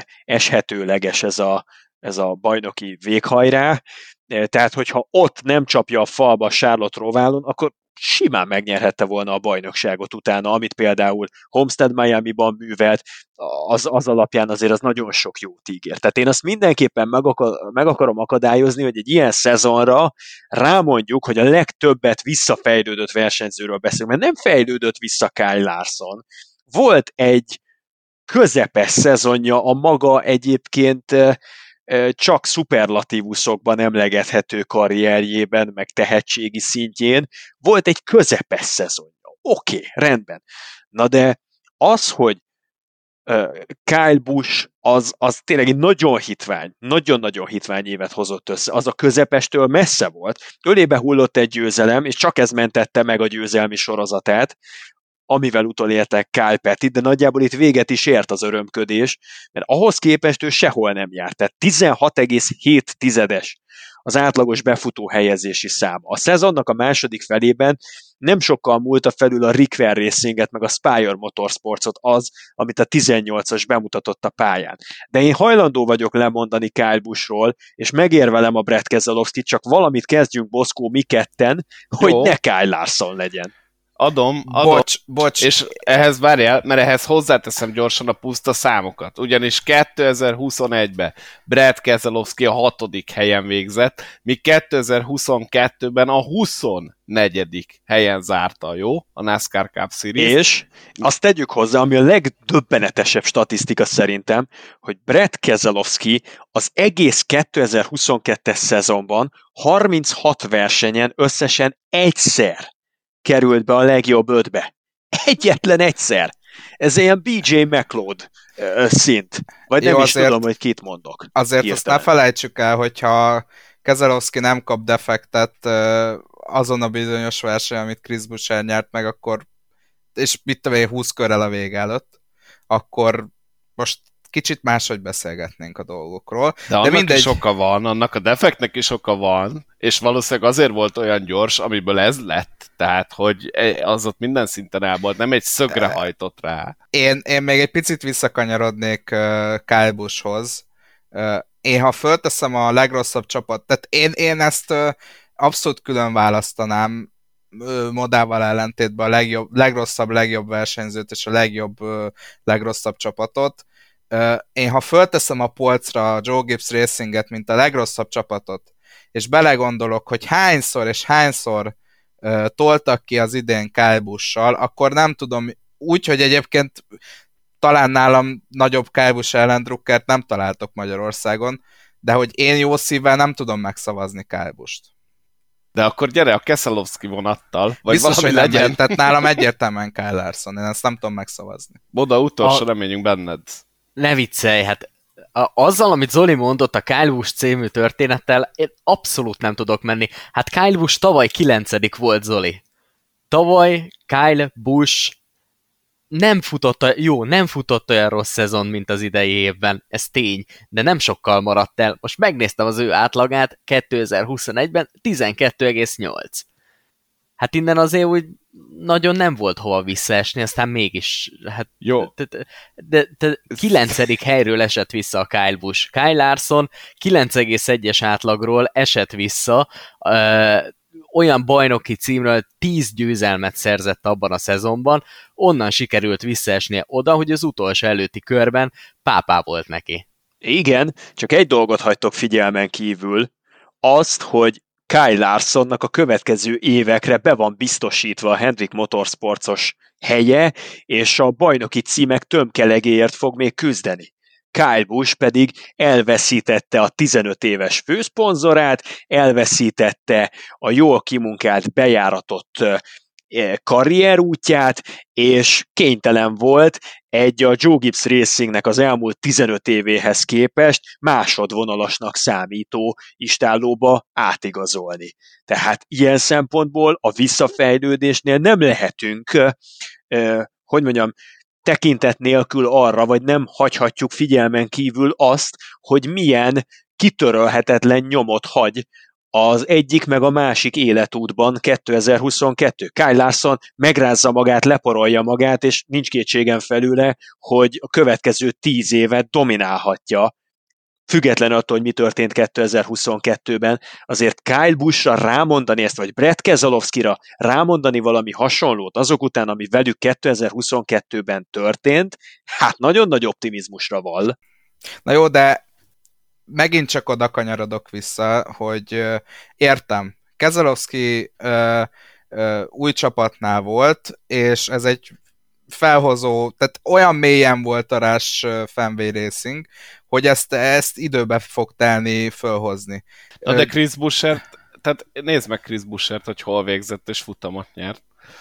Tehát három Értem, helyet rá, nem volt a bajnok akkor a, nem volt, a, nem volt akkor a különbség a két versenyző között. Busárnek volt egy-két villanása, mondom, azon a versenyen, ahol Busár nyert, ott Kezelowski gyorsabb volt, most tök mindegy, hogy a gumi miatt vagy sem. És azért azt tegyük hozzá, hogy Kyle Larson karrierje csúcsán van, tehát Kyle Larson lehet, hogyha visszatekintünk, és mondjuk hatszoros bajnok lesz, hogyha hatszoros bajnok lesz Kyle Larson, akkor azt fogja mondani, hogy passzus, 2022-ben olyan rossz éven volt, csak azon múlt, hogy nem lettem hétszeres bajnok. Most csak egy példát mondtam. Kyle Larson a karrierje csúcsán van, azért a másik két versenyzőről ezt nem lehet elmondani. Na de hogyha kimondjátok, hogy Kyle Larson a karrierje csúcsán van, akkor hogy lehet megválasztani, idézem a kategóriának a címét, legtöbbet visszafejlődött versenyzőnek? Eredmények alapján és teljesítménye alapján igen. Hát mi Boszkóval olyan embereket mondunk, Kyle Busch-t, illetve Brad Keselowski-t, akinél megalapozottan lehet amellett érvelni. De most hogy... 2021-ről 2022-re néz, Zoli. Ne azt, hogy most lefele ível a karrierjük.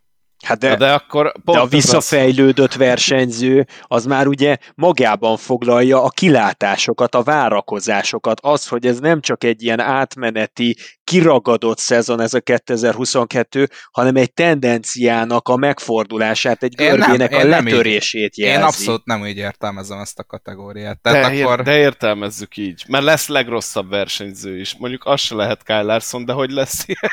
De hát a legrosszabb biztos, hogy nem raknám be Kyle Larson. No, nem, na. figyelj, ebbe szerintem nem fogunk egyet érteni. De muszáj, mert négyen vagyunk. Kettő-kettő hát, lesz a szavazás. Nincs olyan, ezért, ilyen nincs. Ezért kell megoldani azt, hogy mindig páratlanul legyünk. Hagyjuk akkor a hallgatókra, vagy nem tudom, de... Becsukom a ez... szemem, valakit kirakok a szobából, és akkor meg... Jó, az a Zoli legyen, kérlek. Persze, majd pont engem rak ki, amikor egyékényen vagyunk. Igen, nem, igen. Te... Hát az Oli véletlenül biztos nem lesz. Tehát, hogyha már a tendenci, tendenciákat nézzük, és hogy ki hol tart a pályafutása során. Azért azt mondjuk már el, hogy Kyle Busch és Brad Keselowski már inkább kifelé megy a pályafutásából. Náluk már úgy az életkor tekintetében is, meg a, az eddigi lehúzott Busch is már 20 szezont. Tehát amit eddig összeraktak, az az életút, az sokkal hosszabb, mint amit Kyle Larson összepakolt. Egy 20 éves pályafutás után már el lehet kezdeni egy kicsit lefelé mászkálni, és az szerintem egyáltalán nem meglepő, hogy adott esetben olyan versenyzők, akik mondjuk 4-5 évvel ezelőtt simán ott voltak stabilan a bajnoki fináléban, azok most nem a bajnoki fináléban vannak, hanem rendre mondjuk elvéreznek az utolsó előtti körben ez Kyle Larsonnál nem volt benne, hogyha 2021-et nézzük, és most itt ilyen szempontból tudok menni az Andrissal, mert 2021 és 2022 különbségét próbáljuk megkeresni, és szerintem a legszembetűnőbb az az, hogy 2021-ben Kyle Larson volt a NASCAR. 2022-ben volt Kyle Larson és még körülötte 10 versenyző, akik hát bizony időnként azért úgy elagyabugyálták, sőt, lehet, hogy hát ugye saját hibája is benne volt Kyle Larsonnak, de azért mégiscsak az a konklúzió, hogy nem jutott be a döntőbe. Igen, csak itt most arról beszélgetünk, hogy az a, a legutolsó a, a döntő kapujában vétett egy hibát. A Brett Nem, esetében az utolsó meg... előtti körben vétett egy hibát olyan szituációba, ami egy no pressure szituáció volt. Tehát, hogyha oda ott marad, vagy visszaesik 10 helyet Kyle Larson, akkor is simán bejut. Én, én ezt mind értem, amit elmondtam. De, én, ne, én megint... nem megyünk tovább, akkor ez 14 órás adás Akkor lesz. 14 órás adás lesz, mert engem nem fogtok hajaj, meggyőzni, hajaj. hogy 2021, és tehát, hogy akkor, nem, akkor ne 2022 évértékelő legyen a, a, a podcast neve, hanem State of the Sport, tehát, hogy tartsunk egy ilyet, hogy hova tart a sporták, hova tart Kezelowski karrierje, hova De hát tart az ember az élmezőnyből elment a mezőny legvégére. Ennél nagyobb visszaesés igen, mert, igen, mert eligazolt a NASCAR tizedik legjobb csapatához és kikapott a NASCAR 18. legjobb versenyzőjét. Na várjál, de, de én úgy emlékszem, hogy ti egész szezonban nagyon-nagyon ódákat zengtetek Chris Busherről. És Chris akkor most... jó is, igen. De akkor... Na jó. De egy, de egy bajnok idézős legendáról beszélünk Brad Keselowski Igen, tavaly Taladegában akinek... nyert versenyt. A, akinek minden jel arra mutatott, hogy 2022 De a nagy fellángolás, értem, új csapat, új értem. remények, nagy lehetőségek, egy gyártóhoz közeli csapatba került, minden rendben, van pénz, van szponzor, minden van, és ezzel sikerült egy 24. helyet összehozni, megelőzve a... a szintén szarrá büntetett Colcaster. Szerintem ez, ezt, ezt, ezt, ezt bízzuk a nézőkre. Engem biztos, hogy nem fogtok meggyőzni, tehát én, én szívesen itt ülök reggelig, ez... nem, de egyszerűen nem, nem vagyok képes és sem elfogadni, hogy Kyle Látszok, én is hajthatatlan vagyok, tehát... Na látod, ezért mondtam, hogy mindig Most konszenzusra akkor... kell jutni. Én, én nem, nem lesz csak, csak azért. jutni, mert nem tudtok nagyobb balféket mutatni ebben a szezonban, mint a Kyle Szerintem Larson. Zoli szavazd meg Kyle Bust. Igen, pont ezt akartam, tehát, hogy túllépjünk erről a holdpontról, nem fogok tudni tükörbe nézni, de csak azért, hogy megmentsem az adásnak a lendületét, én akkor Kyle Busch-ra leszavazok, ez volt az eredeti elképzelésem, de tehát én nagyon nehezen adom ehhez a nevemet, hogy Kyle Larsonra azt mondjuk, hogy a leginkább visszaesett, visszafejlődött versenyzője a 2022-es szezonnak, ez egy képtelenség, semmilyen szinten nem fejlődött vissza, most egy rossz kormány mozdulatra projektálunk olyan dolgokat, amik, amik karrier szinten el fognak törpülni, senki nem fog vele foglalkozni, ehhez képest Kyle Buschnak, meg Brett Keselowski-nak élete válságával kell farkas szemet néznie Úgyhogy Jó. mindegy, túl vagyunk rajta. Jó, de nekünk ez nem is kell adni a nevünket, mert én meg hajtatatlan vagyok Brett Keselowski, és akkor a Morfi, így kell, Morfi és Moda megszavazták Kyle Larson, nem tudunk mit csinálni, elnyomtak a demokráciával, ez van. Egy utolsó gondolat még egyébként így Kyle Buschhoz, hogy szerintem neki a legnagyobb drámája a 2022-es szezonban inkább a Toyota volt sem, mint ő maga. Volt Igen, benne az is. És én azt gondolom, hogy jobb helyre került Kájbus a következő évek tekintetében. Ezt, ezt kicsit úgy mondtuk, mint a halott lenne, de nem, szerencsére életben van, és remélem, én egyébként, hogy, hogy nagy, nagy csata lesz jövőre úgy, hogy ő is egy másik csapatba került, megjött a fiatal Ty Gibbs, szerintem ők össze fognak akadni azért, úgyhogy ez mindenképpen tartogat érdekességeket 2023-ra, de akkor ezen túl lendülve ezen a hosszas vitán, amit reméljük minden hallgatónk élvezett, és nem kikapcsolt és uh, kitörölte a podcastunkat, muszáj néha ilyet, hát itt senki nem enged, nem, nem nincs képmutatás, kérem szépen. A legtöbb, legtöbbet fejlődött versenyzőt is meg kell szavaznunk, és mi, miután a Twitteren én puskáztam, átadnám Zolinak a szót elsőképpen, hiszen szerintem egy nagyon-nagyon jó védőbeszéde lesz, és pont egy Toyotáshoz, jól tudom?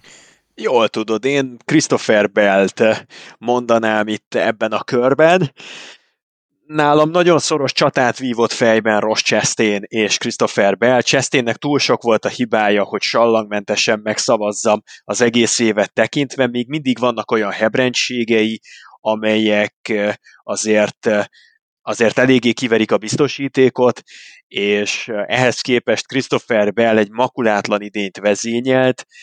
Azt hiszem, hogy kinőtte most már azt a szerepkört, amit eredetileg ráosztottak a Joe Gibbs Racingen belül nagyon sokan, és franchise játékossá érett olyan potenciált mutatott, amit eddig sokunk beleképzeltünk Christopher Bellbe, és egyes eseti kisüléseknél tudta igazolni, de idény szinten soha, sőt, még megkockáztatom, hogy ilyen egy egybefüggő három hónapos periódusban sem, korábban soha nem tudott ilyen szinten teljesíteni, mint ahogyan most a szezonnak a túlnyomó többségét lehozta. Az a két walk-off győzelem, amit a rájátszásban aratott, azt követően, hogy ugye a 16-os fordulóból a legtöbb ponttal jutott tovább, majd a 12-es és a 8-as fordulóban is győzelemmel kvalifikált a következő körre, az, az számomra impresszív, és lett volna esélye támadni a bajnoki címért Logánót Phoenixben is, csupán a csapatnak a hibáján múlott az a dolog, úgyhogy Christopher Bell nálam megkérdőjelezhetetlenül ennek a szezonnak a legtöbbet fejlődött versenyzője. Én mondanék egy másik versenyzőt, én Tyler Reddickre dobnám a tippemet ilyen szempontból. Tyler Reddick az idei évben azon kevesek közé tartozott, akik két versenyt is meg tudtak nyerni az alapszakaszban.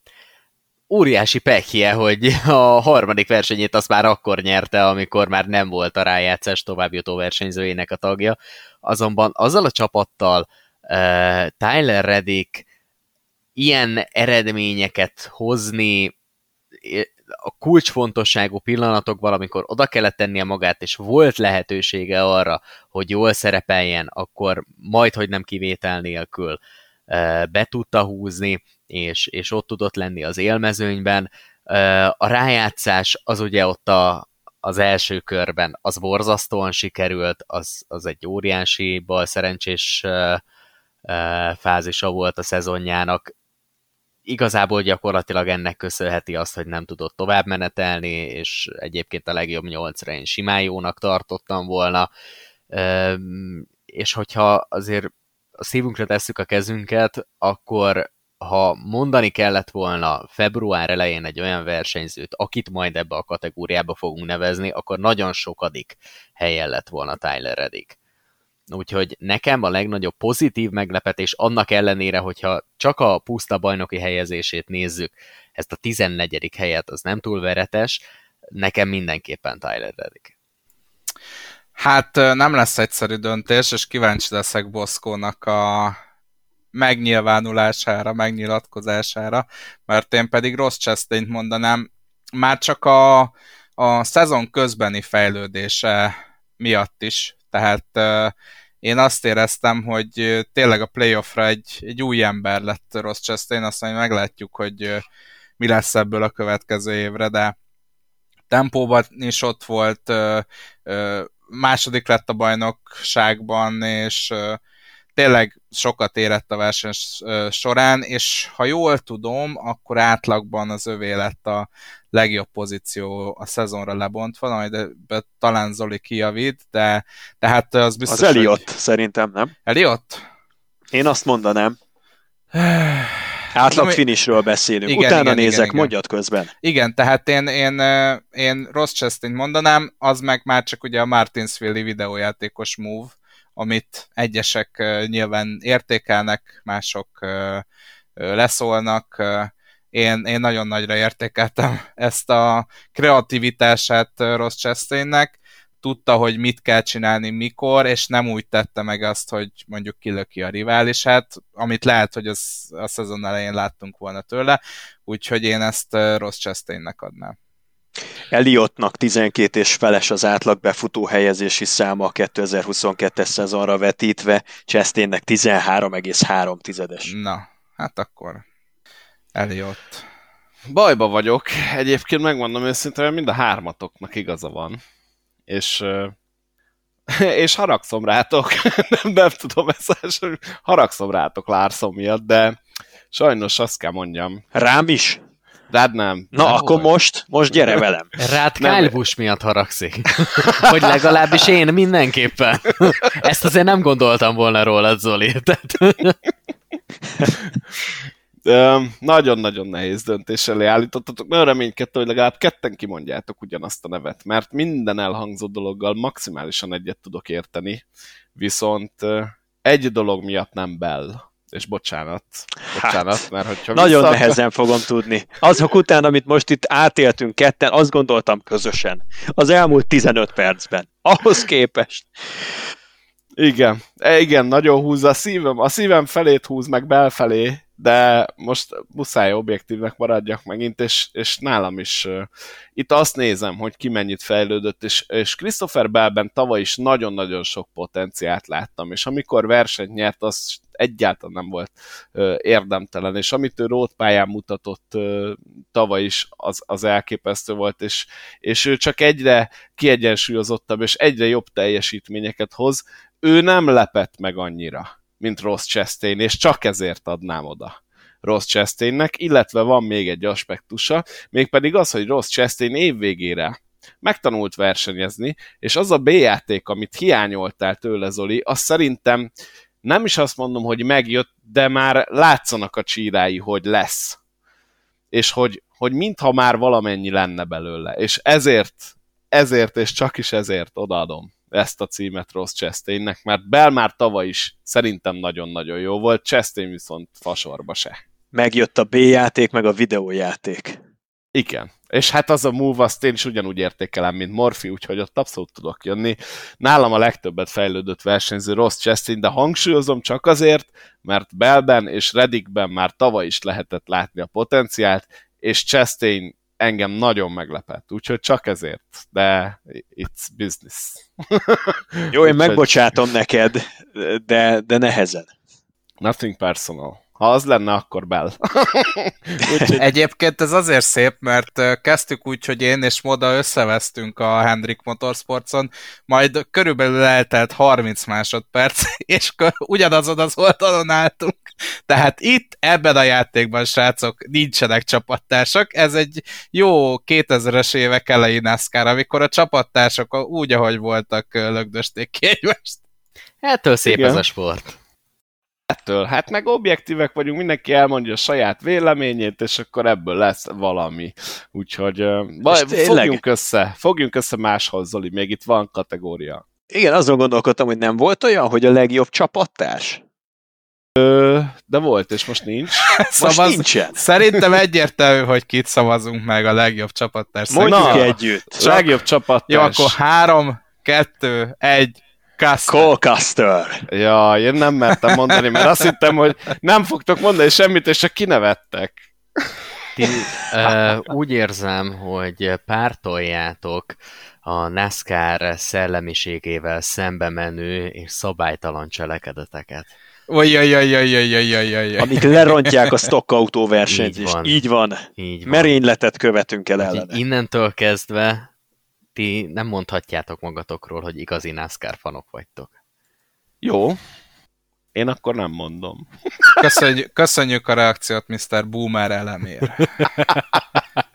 Tehát akkor a legjobb csapattárs Cole Caster, az okokat nyilván mindenki tudja, föláldozta magát Chase Briscoeért többször is, úgyhogy akkor ezen túl vagyunk. Ez valahogy el. Hálából kidobták a csapattól. Hát, igen, a legrosszabb csapatvezető Tony Stewart. Ez teljesen egyértelmű. Semmilyen Na, szinten hát nem hálálta hát. meg. Semmilyen szinten nem állta meg. És Casternek hülyeség volt ebbe belemenni. Inkább hozta volna el évere, év végén azt a pár top 5 top 10 és akkor arra legalább lehetett volna mutogatni. Beáldozta magát. De, Úgyhogy ennyi Boszko, uh, bocsi, hogy ezt mondom, és tudod, hogy nem szeretem azt mondani, hogy igazam volt. pedig, de egyébként szeretem. Szóval én ezt, hogyha visszahallgatjátok a podcastot, ti is kedves hallgatók, meg te is, Boszkó, meg nem tudom, emlékszel-e, én ezt mondtam. Igen, hogy, emlékszem. Hogy Caster, ez egy nagyon riszki biznisz, amit ő csinál. Főleg Igen. úgy, hogy nem tudod, hogy biztos-e a jövőd. Igen, és abszolút igazad lett, és sajnos Zolinak is igaza lett, hogy Castert le fogják küldeni az Xfinity-be, pedig ő ezt már jóval korábban, hetekkel azelőtt mondta. Egyébként óriási jóslataink voltak idén, ez az adás túl fog menni a két órán, ezt most mindenki fogadja el. Két hétig nem volt egy kicsit extrázunk, szóval azért nagyon nagy jóslataink voltak, mert valaki megmondta, hogy Kyle Busch a Richard Childress Racingbe fog igazolni, amikor még szó nem volt róla, mondjuk az én voltam, a Zoli meg Zoli megmondta, hogy a Colcastot le fogják küldeni Xfinity-be, amikor még fel sem merült valószínűleg, hogy ki fogják tenni a csapatba. Azért ez utóbbihoz nem kellett akkor a jós tehetség. Hát szerintem kellett, és akkor utána még utána még Caster bebizonyította, hogy fel tudja áldozni saját magát a csapatért, és ehhez képest kirúgták, szóval azért voltak, voltak itt jóslatok az idejévet tekintve amik bejöttek. Hallgassatok, menjetek körbe podcastet jövőre is. Na de legrosszabb csapattárs kategória, ha Casterben. Casterben egyeztünk meg a leghamarabb, gyerekek, csak mondom. Ezt én, tudja. Én felterjeszteném erre a posztra is Kyle larson az idei évben. az a baj, hogy, hogy volt egy olyan kitétel, ja, tényleg, nem hogy lehet nem. kétszer Igen. ugyanaz az ember, és én ezért Austin Szindriket nem tudom ide jelölni, pedig nagyon szívesen megtenni. Ajajajaj, hát így nehéz lesz, hogy se Szindrik, se, se Larson, mert azért ők aprították a csapattársakat az idei szezonban. Igen. Én nekem még egy név eszembe jut, hogyha megengeditek, ez Baba Valasz aki nem igazán segítette a csapattársát, ugye Kurt Busch, amikor még a pályán volt, és folyamatosan csak a saját érdekét nézte, nem csak csapatszinten, hanem Toyota szinten elvárta, hogy őt mindenki segítse, amit egyébként a csapatának a tulajdonosa Danny Hamlin meg is tett és, és semmilyen szinten nem viszonozta. Én végig azt láttam Baba Valaszon, hogy teljesen egyedül megy, nem érdekli senki és semmi, miközben őt ténylegesen mindenki próbálja segíteni. Ehhez képest úgy beszélt a csapatával, ahogy, úgy beszélt a szerelőivel, ahogy, úgyhogy én ezért talán a, hát nem is legrosszabb csapattárs, ilyen kicsit legrosszabb csapattag kategóriába jelölném Baba Valaszt. Egyetértek, így, hogy kiestek az első számú célpontok, tehát Larson és Szindrik, mint a két legnagyobb merénylő.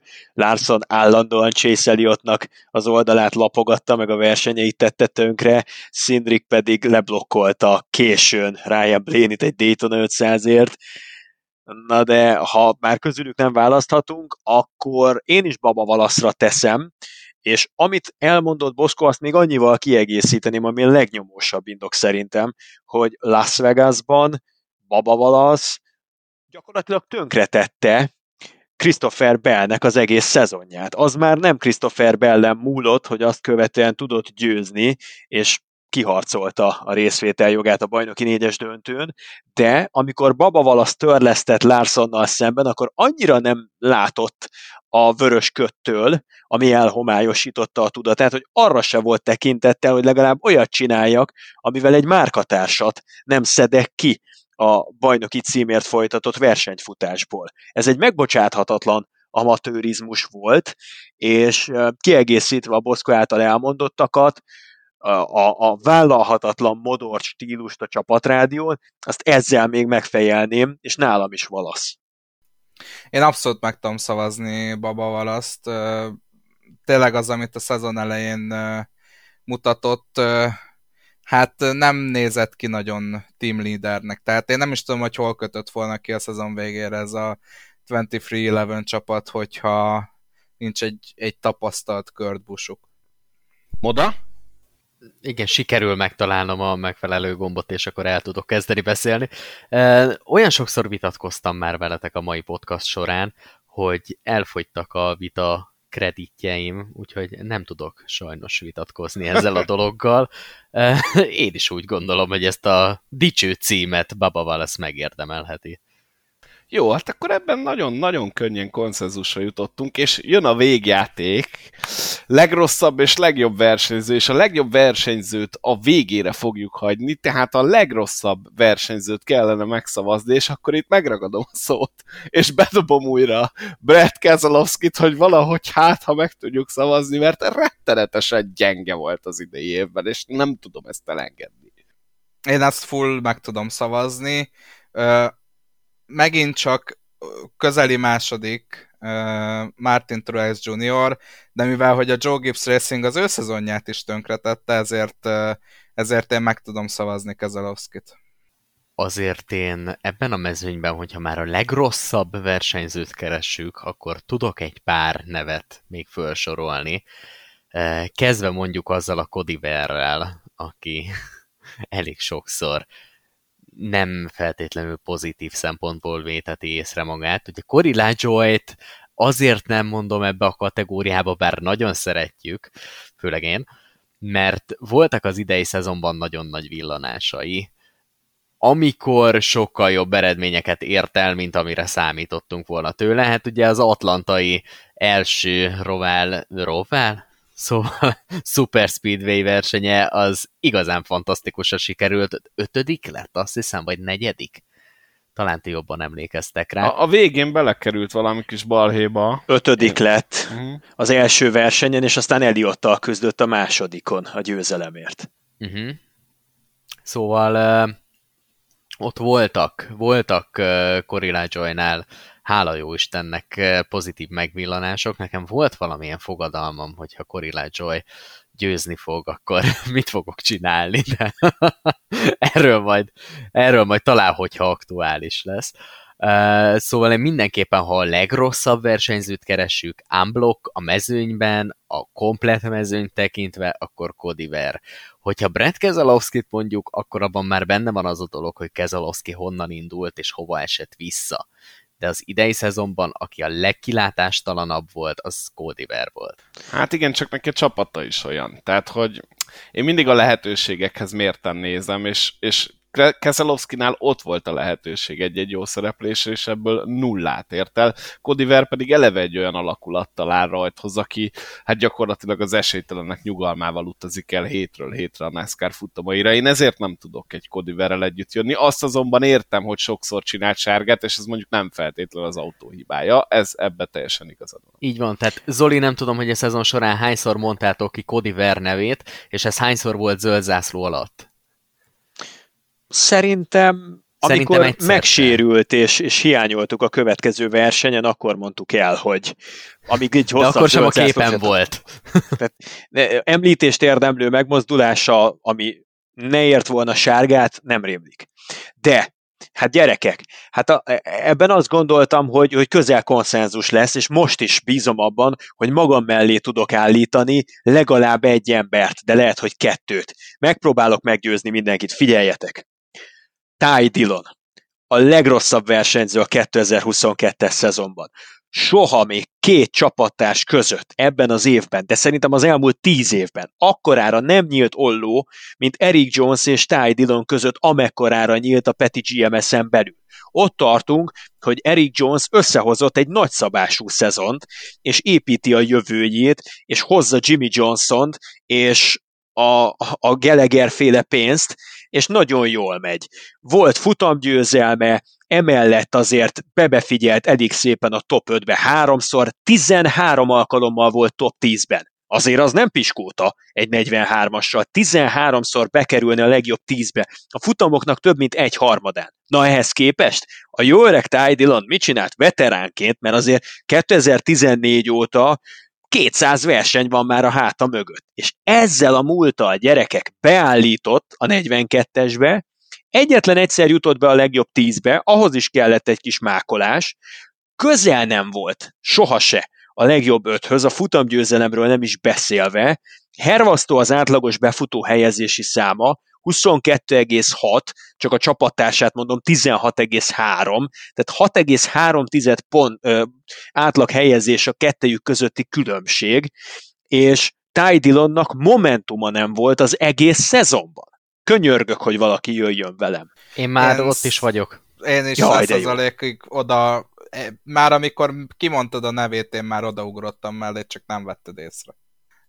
És ugye még azt tegyük hozzá, csak hogy a lecsengése is meglegyen ennek, mint egy jó bornak, hogy Ty Dillon az teljesen kötött egy ilyen Gordiuszi csomót a saját pályafutására, mert most már a Spire Motorsportsnak ő a fizetős pilótája. Ami eddig a 77-es kocsi volt, hozta a pénzt bele Josh Bilicki, meg Landon Cassill, az most már teljes menetrenddel Ty Dillon éles. És ha valakinek kételkedni támadna kedve, hogy hát nem olyan rossz azért Ty Dillon, csak megmaradt kupasorozatos pilótának teljes menetrende, hát mit akarunk, az nézze meg azt a sajtótájékoztatót, amint bejelentették, hogy a 77-est a Spire Motorsportsnál jövőre Ty Dillon fogja vezetni. Én még embert olyan rezignáltnak, olyan búbánatosnak életemben nem láttam egy egy új igazolás bejelentésénél, mint Ty dillon Nézett maga elé, merett, és ez az úristen. Tehát, hogy a, a cicás kosárból ő olyan szinten került ki,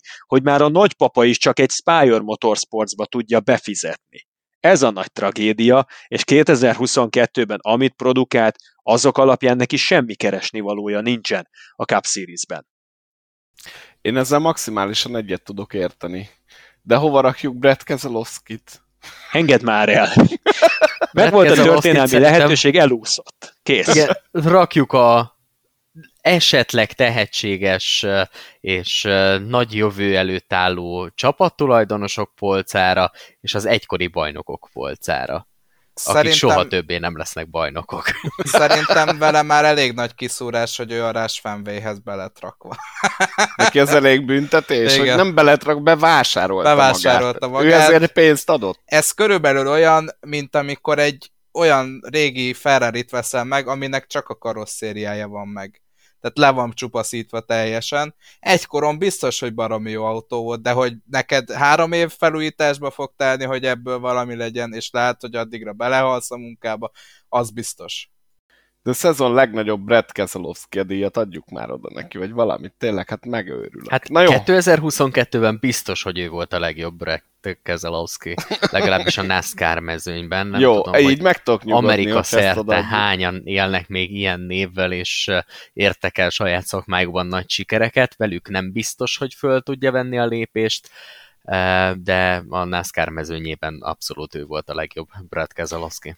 Egyébként... És azt még tegyük hozzá, hogy 2022 Brett Keselowski egyik éve volt. Igen, Igen, és azt tegyük hozzá, hogy Brett Keselowski csak azért nyert bajnoki címet, mert Jimmy Johnson defektet kapott az első helyről Phoenixben. És hát azért tegyük hozzá ehhez a dologhoz, hogy Brett Keselowski már sokkal jobb eredményt ért el, és egy magasabb szintre került, mint mondjuk Ryan Newman, mert Ryan Newman nincs is a mezőnyben.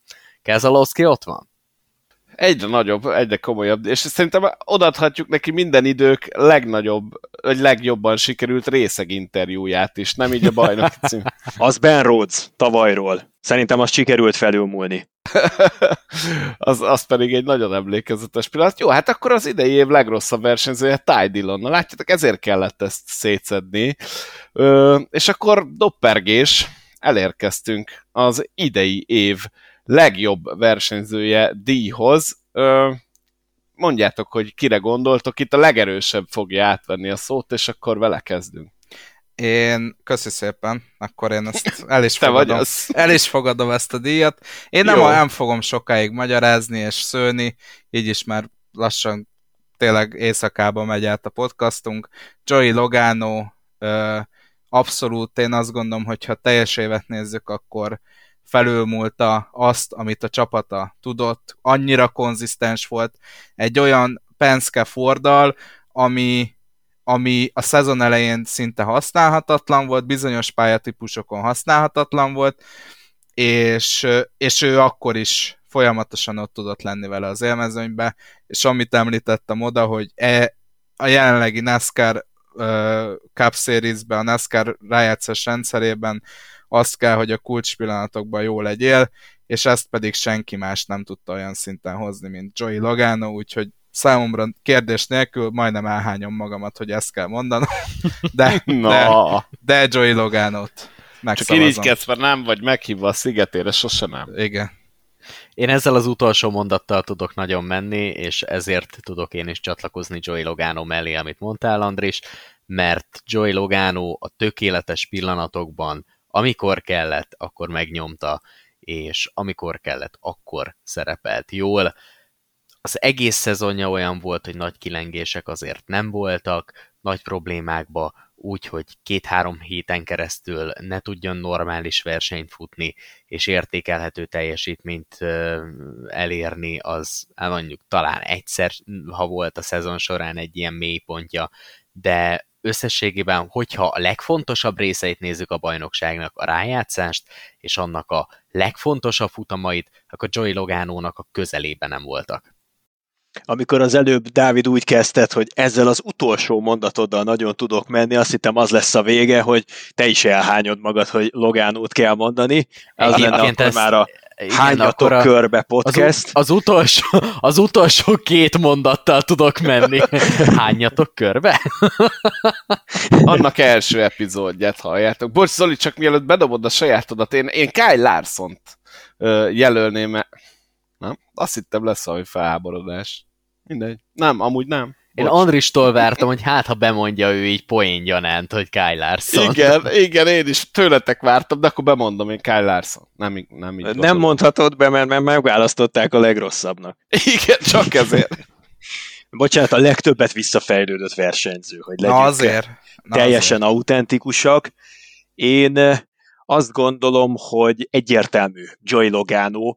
Én ezt az év versenyzője szavazást, ezt egy ilyen MVP díjnak gondolnám egyszerűen brutális, hogyha megpróbálnánk valahogyan kibalanszálni, hogy kinek milyen technika állt rendelkezésére, ahhoz képest, amit Paul Wolf, a 22-es csapat és Joey Logano kihozott a rendelkezésre álló lehetőségekből, amennyivel fölébe magasodott Ryan Blaney-nek, meg Austin Sindricknek csapaton belül, hát Harrison Burtonről nem is beszélve, az, az egyszerűen tényleg lehengerlő, igazolta a nagyságát Joey Logano, megnyerte a Dayton 500-on kívüli két legfontosabb versenyét ennek a szezonnak, mert bizony megnyerte a szezonzárót, és ne felejtsük, övé volt a Clash, ami egy olyan nézettséget hozott, meg egy olyan röppájára állította a 2022-es szezont, a hetedik generációs kocsit, egy történelmi jelentőségű futamot, aminek azért a jelentősége messze túlmutat önmagán. Úgyhogy a Logánónak megvoltak az emblematikus győzelmei, építette tovább az imidzsét, építette tovább ezt a, ezt a gyilkos galóca imidzset, hogy, hogy engem aztán meg nem erjetek pöckölni, fel nem merjetek tenni a falra, kerüljetek el nagy ívben, különben úgy jártok, mint William Byron Darlingtonban. Byron azóta se törlesztett, csak hozzátenném, pedig nagyon fogadkozott ő is. És Logano az image építés mellett immáron nem is tudom, háromszoros családapává vált, és megnyert egy olyan bajnoki címet, amit nagyon nem neki írtak ki, ami, ami sokáig úgy tűnt, hogy Eliotté lesz, aztán amikor szabad volt a gazda, akkor berepültek rá jó páran ősszel, de Phoenixben, meg azt megelőzően, hogy a, a, a nyolcas fordulónak abban a részében, amire igazán koncentrált Logano, akkor kétség nem férhetett hozzá, hogy ki az úraháznál. Kyle Busch mellett van még egy többszörös bajnokunk, és, és ez már tényleg a, ez, ez egy olyan szűk tábor, egy olyan szűk csoport, többszörös NASCAR Cup Series bajnoknak lenni, ami, ami rettentő kevesek kiváltsága. Úgyhogy Logano akár, akár nézhetjük elkülönítve izoláltan a 2022-es szezont, akár nézhetjük karrier szintjén, teljesen mindegy, abszolút győztese ennek az évnek. Hát én is Joey Logánot szerettem volna jelölni erre a pozícióra, és nem tudok mit hozzátenni. Esetleg még annyit, hogy a Race for the Championship sorozatot végignézve volt olyan pillanat, hogy megkedveltem Joey Logánot, de ugyanazt tudom mondani, mint amit abban a sorozatban is elmondtak az emberek, hogy van a családapa, magánember, férfi állat Joey Logano, és ez egy egészen más személyiség, mint az a Joey Logano, akin bukós isak van, vagy volt az elmúlt 20 percben, fél órában, ugyanis az ember fölveszi a bukós isakokat, és 180 fokot fordul a személyisége, ameddig adja a nyilatkozatokat ugyanez, és onnantól, hogy visszalép az életbe, és ő lesz Joey Logano az ember, nem Joey Logano a versenyző, onnantól egy végtelenül szimpatikus figura megint mosolyog, és ott nem erőltetettem mosolyog. Látszik, hogy szereti a családját, szereti a gyerekeit, egy teljesen életvidám csávó, ezek alapján én őt nagyon tudnám imádni, de az, hogy ahogy fölveszi a bukós isakot, és amit leművel a pályán, az valami egészen durva fordulat, viszont Joey Logano így tud bajnok lenni, és ez a bajnoki cím, ez, ez ezerszeres mértékben megérdemelt, és ha bárki más nyert volna, akkor azt mondom, hogy rossz a rendszer, igazságtalan az élet, ezt az idei évet, ezt valóban nem Logánónak szánta szerintem a jóisten se, ezért Logánó tett hogy ez az övé legyen, és minden elismerést megérdemel egyértelműen az év versenyzője Joey Logano. Erre most egy picit azért fűznék rá, mert uh, pont Dale Earnhardt jutott eszembe, hogy én azért tudom tisztelni Dale Earnhardtot, mert beült az autóba, kiszállt az autóból, neki ez volt a személyisége, a megfélemlítő, a megfélemlítés. Uh, Joey Log, tehát én azokban a versenyz, azokat a versenyzőket nem tudom tisztelni, aki a pályán mindenkit kilök, aztán lenyilat. Meg egyébként Kárbust is ezért tudom tisztelni, tehát ő egy bunkó. Mindenki elmondja róla, hogy bunkó. Nyilatkozott, uh, már nem is tudom ki, talán William Byron volt egy ilyen cikk, hogy kinek a legjobb a humora, és William Byron mondta, hogy amikor a Kyle Busch Motorsportsnál versenyzett, nagyon sokat röhögött. Kyle ő úgy jellemezte, hogy egy picit nyers. Tehát egy bunkó Kyle Busch egy bunkó a pályán, bunkó a pályán kívül. Én azzal az emberrel nem tudok azonosulni, aki a pályán egy vadállat, és kijön a pályán kívülre, és akkor ilyen, jaj, hát sziasztok, de én olyan jó fej vagyok. Tehát én ezzel nem tudok azonosulni. Alapvetően én se, de én, nekem volt személyes tapasztalatom is versenyzővel, még a túrautós mezőnyből például Iván Müller ilyen. Az én személyes tapasztalatom alapján ő kiesett egy versenyről, amin éppen jelen voltunk, ez Szlovákiában volt, ki, kiesett a kerek egész egyszerűen, és mérhetetlenül ideges volt, ordított a rádióba, csapkodott, dúlt, fult, és oda mentem hozzá körülbelül 20 perccel később, vagy 15 perccel később, teljesen zavarba voltam, mert én azt vártam, hogy emberként is ilyen lesz, és nem, és mosolygott, viccelődött, gyere be, közös kép, besétáltam oda a kamionja és annyira zavarba voltam, gyerekek, életemben nem hoztak még így zavarba, mert a 180 fokos ellentéte volt a Pali, egy végtelenül kedves, mosolygós, ott a szerelőivel is jól eldumálgatott, egy ilyen hiba után, egy ilyen blama után, és vannak ilyen emberek, és azt gondolom, hogy a Joey Logano a, a magánéleti személyiségét, amit legalábbis ebben a sorozatban láttunk, átvinni a pályára, nem biztos, hogy 2022 bajnoka lenne. Szóval igen, értem a kritikákat, és, és meg is értem, és én is megfogalmazom ezeket Logánóval szemben, de, de ez kell hozzá, ez van. Ő a bajnok, tényleg mindenkit arrébb rakott, még így a zárójelbe bedobnám, hogy William Byronnak odaadnám 2022-ben a Danny Hamlin díjat, pontosan azért, amit Zoli mondott, egész évben hajtogatva volt, nem csak által a csapata által is, Jeff Gordon által is, ez vissza lesz adva, ezt megtoroljuk, és lement a szezon, és semmi. Úgyhogy Danny Hamlinnek azért nem tudnám odaajánlani a Danny Hamlin díjat, mert róla neveztük el, de William Byronnak minden tovább. Viszont Danny Hamlinnek meg visszaadtad William Byron. Tehát Igen. ez a Igen. dolog szépsége. Lehet, hogy ők megtalálták egymást így hasonló stílusban. Még annyit szeretnék röviden hozzátenni, hogy azt azért ne felejtsétek el, hogy Joey Logano is egyre inkább elfogadottá válik a rajongók szemében. Valamiért amit például Kyle Busch soha nem tudott kivívni magának, az a Kurt Buschosodás. Én így hívom ezt, amikor valaki nagyon-nagyon mélyről indul, nagyon nagy az elítéltsége, így a, a NASCAR-t követő közvélemény szemében, és ehhez képest a karrierje végig eljut egy közkedvelt egyezményes figurának a pozíciójába. Logano éppen most tették közzé egy pár nappal ezelőtt, ott van az idei év legnépszerűbb versenyzője választáson, a szurkolók szavazatai alapján a legjobb tíz között. Azért erre felhívnám a figyelmet, mert szépen, csöndben Joey Logano vigyorogva, szemüvegesen, kopaszodva, a maga minden hibájával együtt, úgy, hogy odaáll eléd és felvágja az erét, hogy tessék, ez vagyok én, beérik és népszerűségre tör. Ezt senki nem gondolta volna, akár csak három évvel ezelőtt. És szerinted ebben mennyire játszik szerepet a Race for the Champions-ban, amit láttunk, hogy a felesége, amikor hívja, akkor a My Hotel's Wife jelenik meg az autójának kihez. Igen, egy, egy pillanatra, amikor azt mondtad, hogy hogy mindenkinek ajánlom, hogy nézze meg a Race for the Championship-et. Azt hittem, hogy az lesz a vége a mondatodnak, hogy kiderül, hogy miért van három gyereke Joey Logan. hát, hogy ezek, ezek alapján pont az derülnek, hogy miért nincs, de ugye van, úgyhogy valószínűleg mindegy. Valószínűleg nem csak azt ismeri. Én ezt értettem, Moszkó.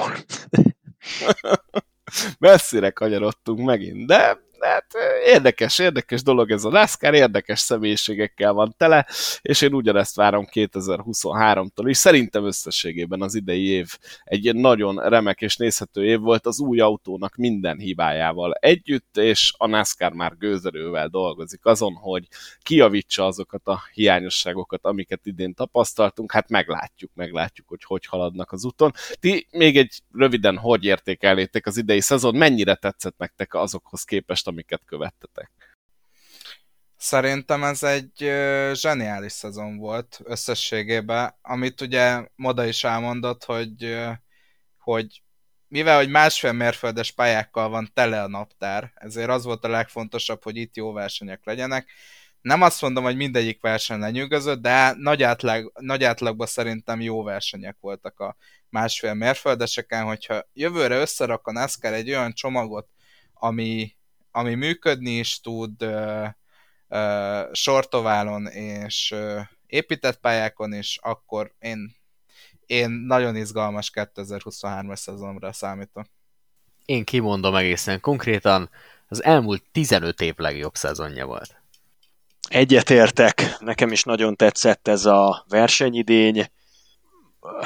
Én, én nem tudok belekötni, tehát nyilván egy hetedik generációs autót bevezettek, tudtuk, hogy lesznek gyermekbetegségek, nagyon sajnálom azt, hogy Kurt Buschnak a pályafutása úgy ért véget, ahogy, nagyon sajnálom Alex Bowmannek a sérülését, és, és, és tényleg enélkül, enélkül lett volna igazán kerek a kép, de realisztikusan szemlélve ennél jobban hát bajosan sikerülhetett volna ez az egész 2022. Jó volt, eh, ha csak ennyire lesz jó a 2023-as szezon, szerintem garantált a felhőtlen szórakozás, ha pedig még tényleg sikerül megfejelni, én leszek a világ legboldogabb embere. Velünk együtt, és egyébként találkozhattok még velünk az off-seasonben, ugyanis Morfit a szaván fogjuk, és egy ilyen Jimmy Johnsonos adást csináljunk már. Na jó, nagy duzzogva, nagy duzzogva rámondtad az igent, Jó, ezt úgy veszem. Okay. Legyen egy Jimmy Johnsonos. Azoknak, akik esetleg most kapcsolódtak be a NASCAR-ba, minden off majd így előveszünk legendákat. Hát most a közelmúltból Jimmy Johnson-t fogjuk. És most aktu- Andris... aktualitása is van ugye a Petis, Igen. Richard Petis dolog miatt. Úgyhogy ennyi eldől. Jimmy Johnsonos adás lesz, erre majd legfőképpen az Andris készül fel, és majd így meghallgatjuk, hogy milyen ódákat zeng róla, rámondjuk az igent, vagy éppen a nemet, és akkor ennyi.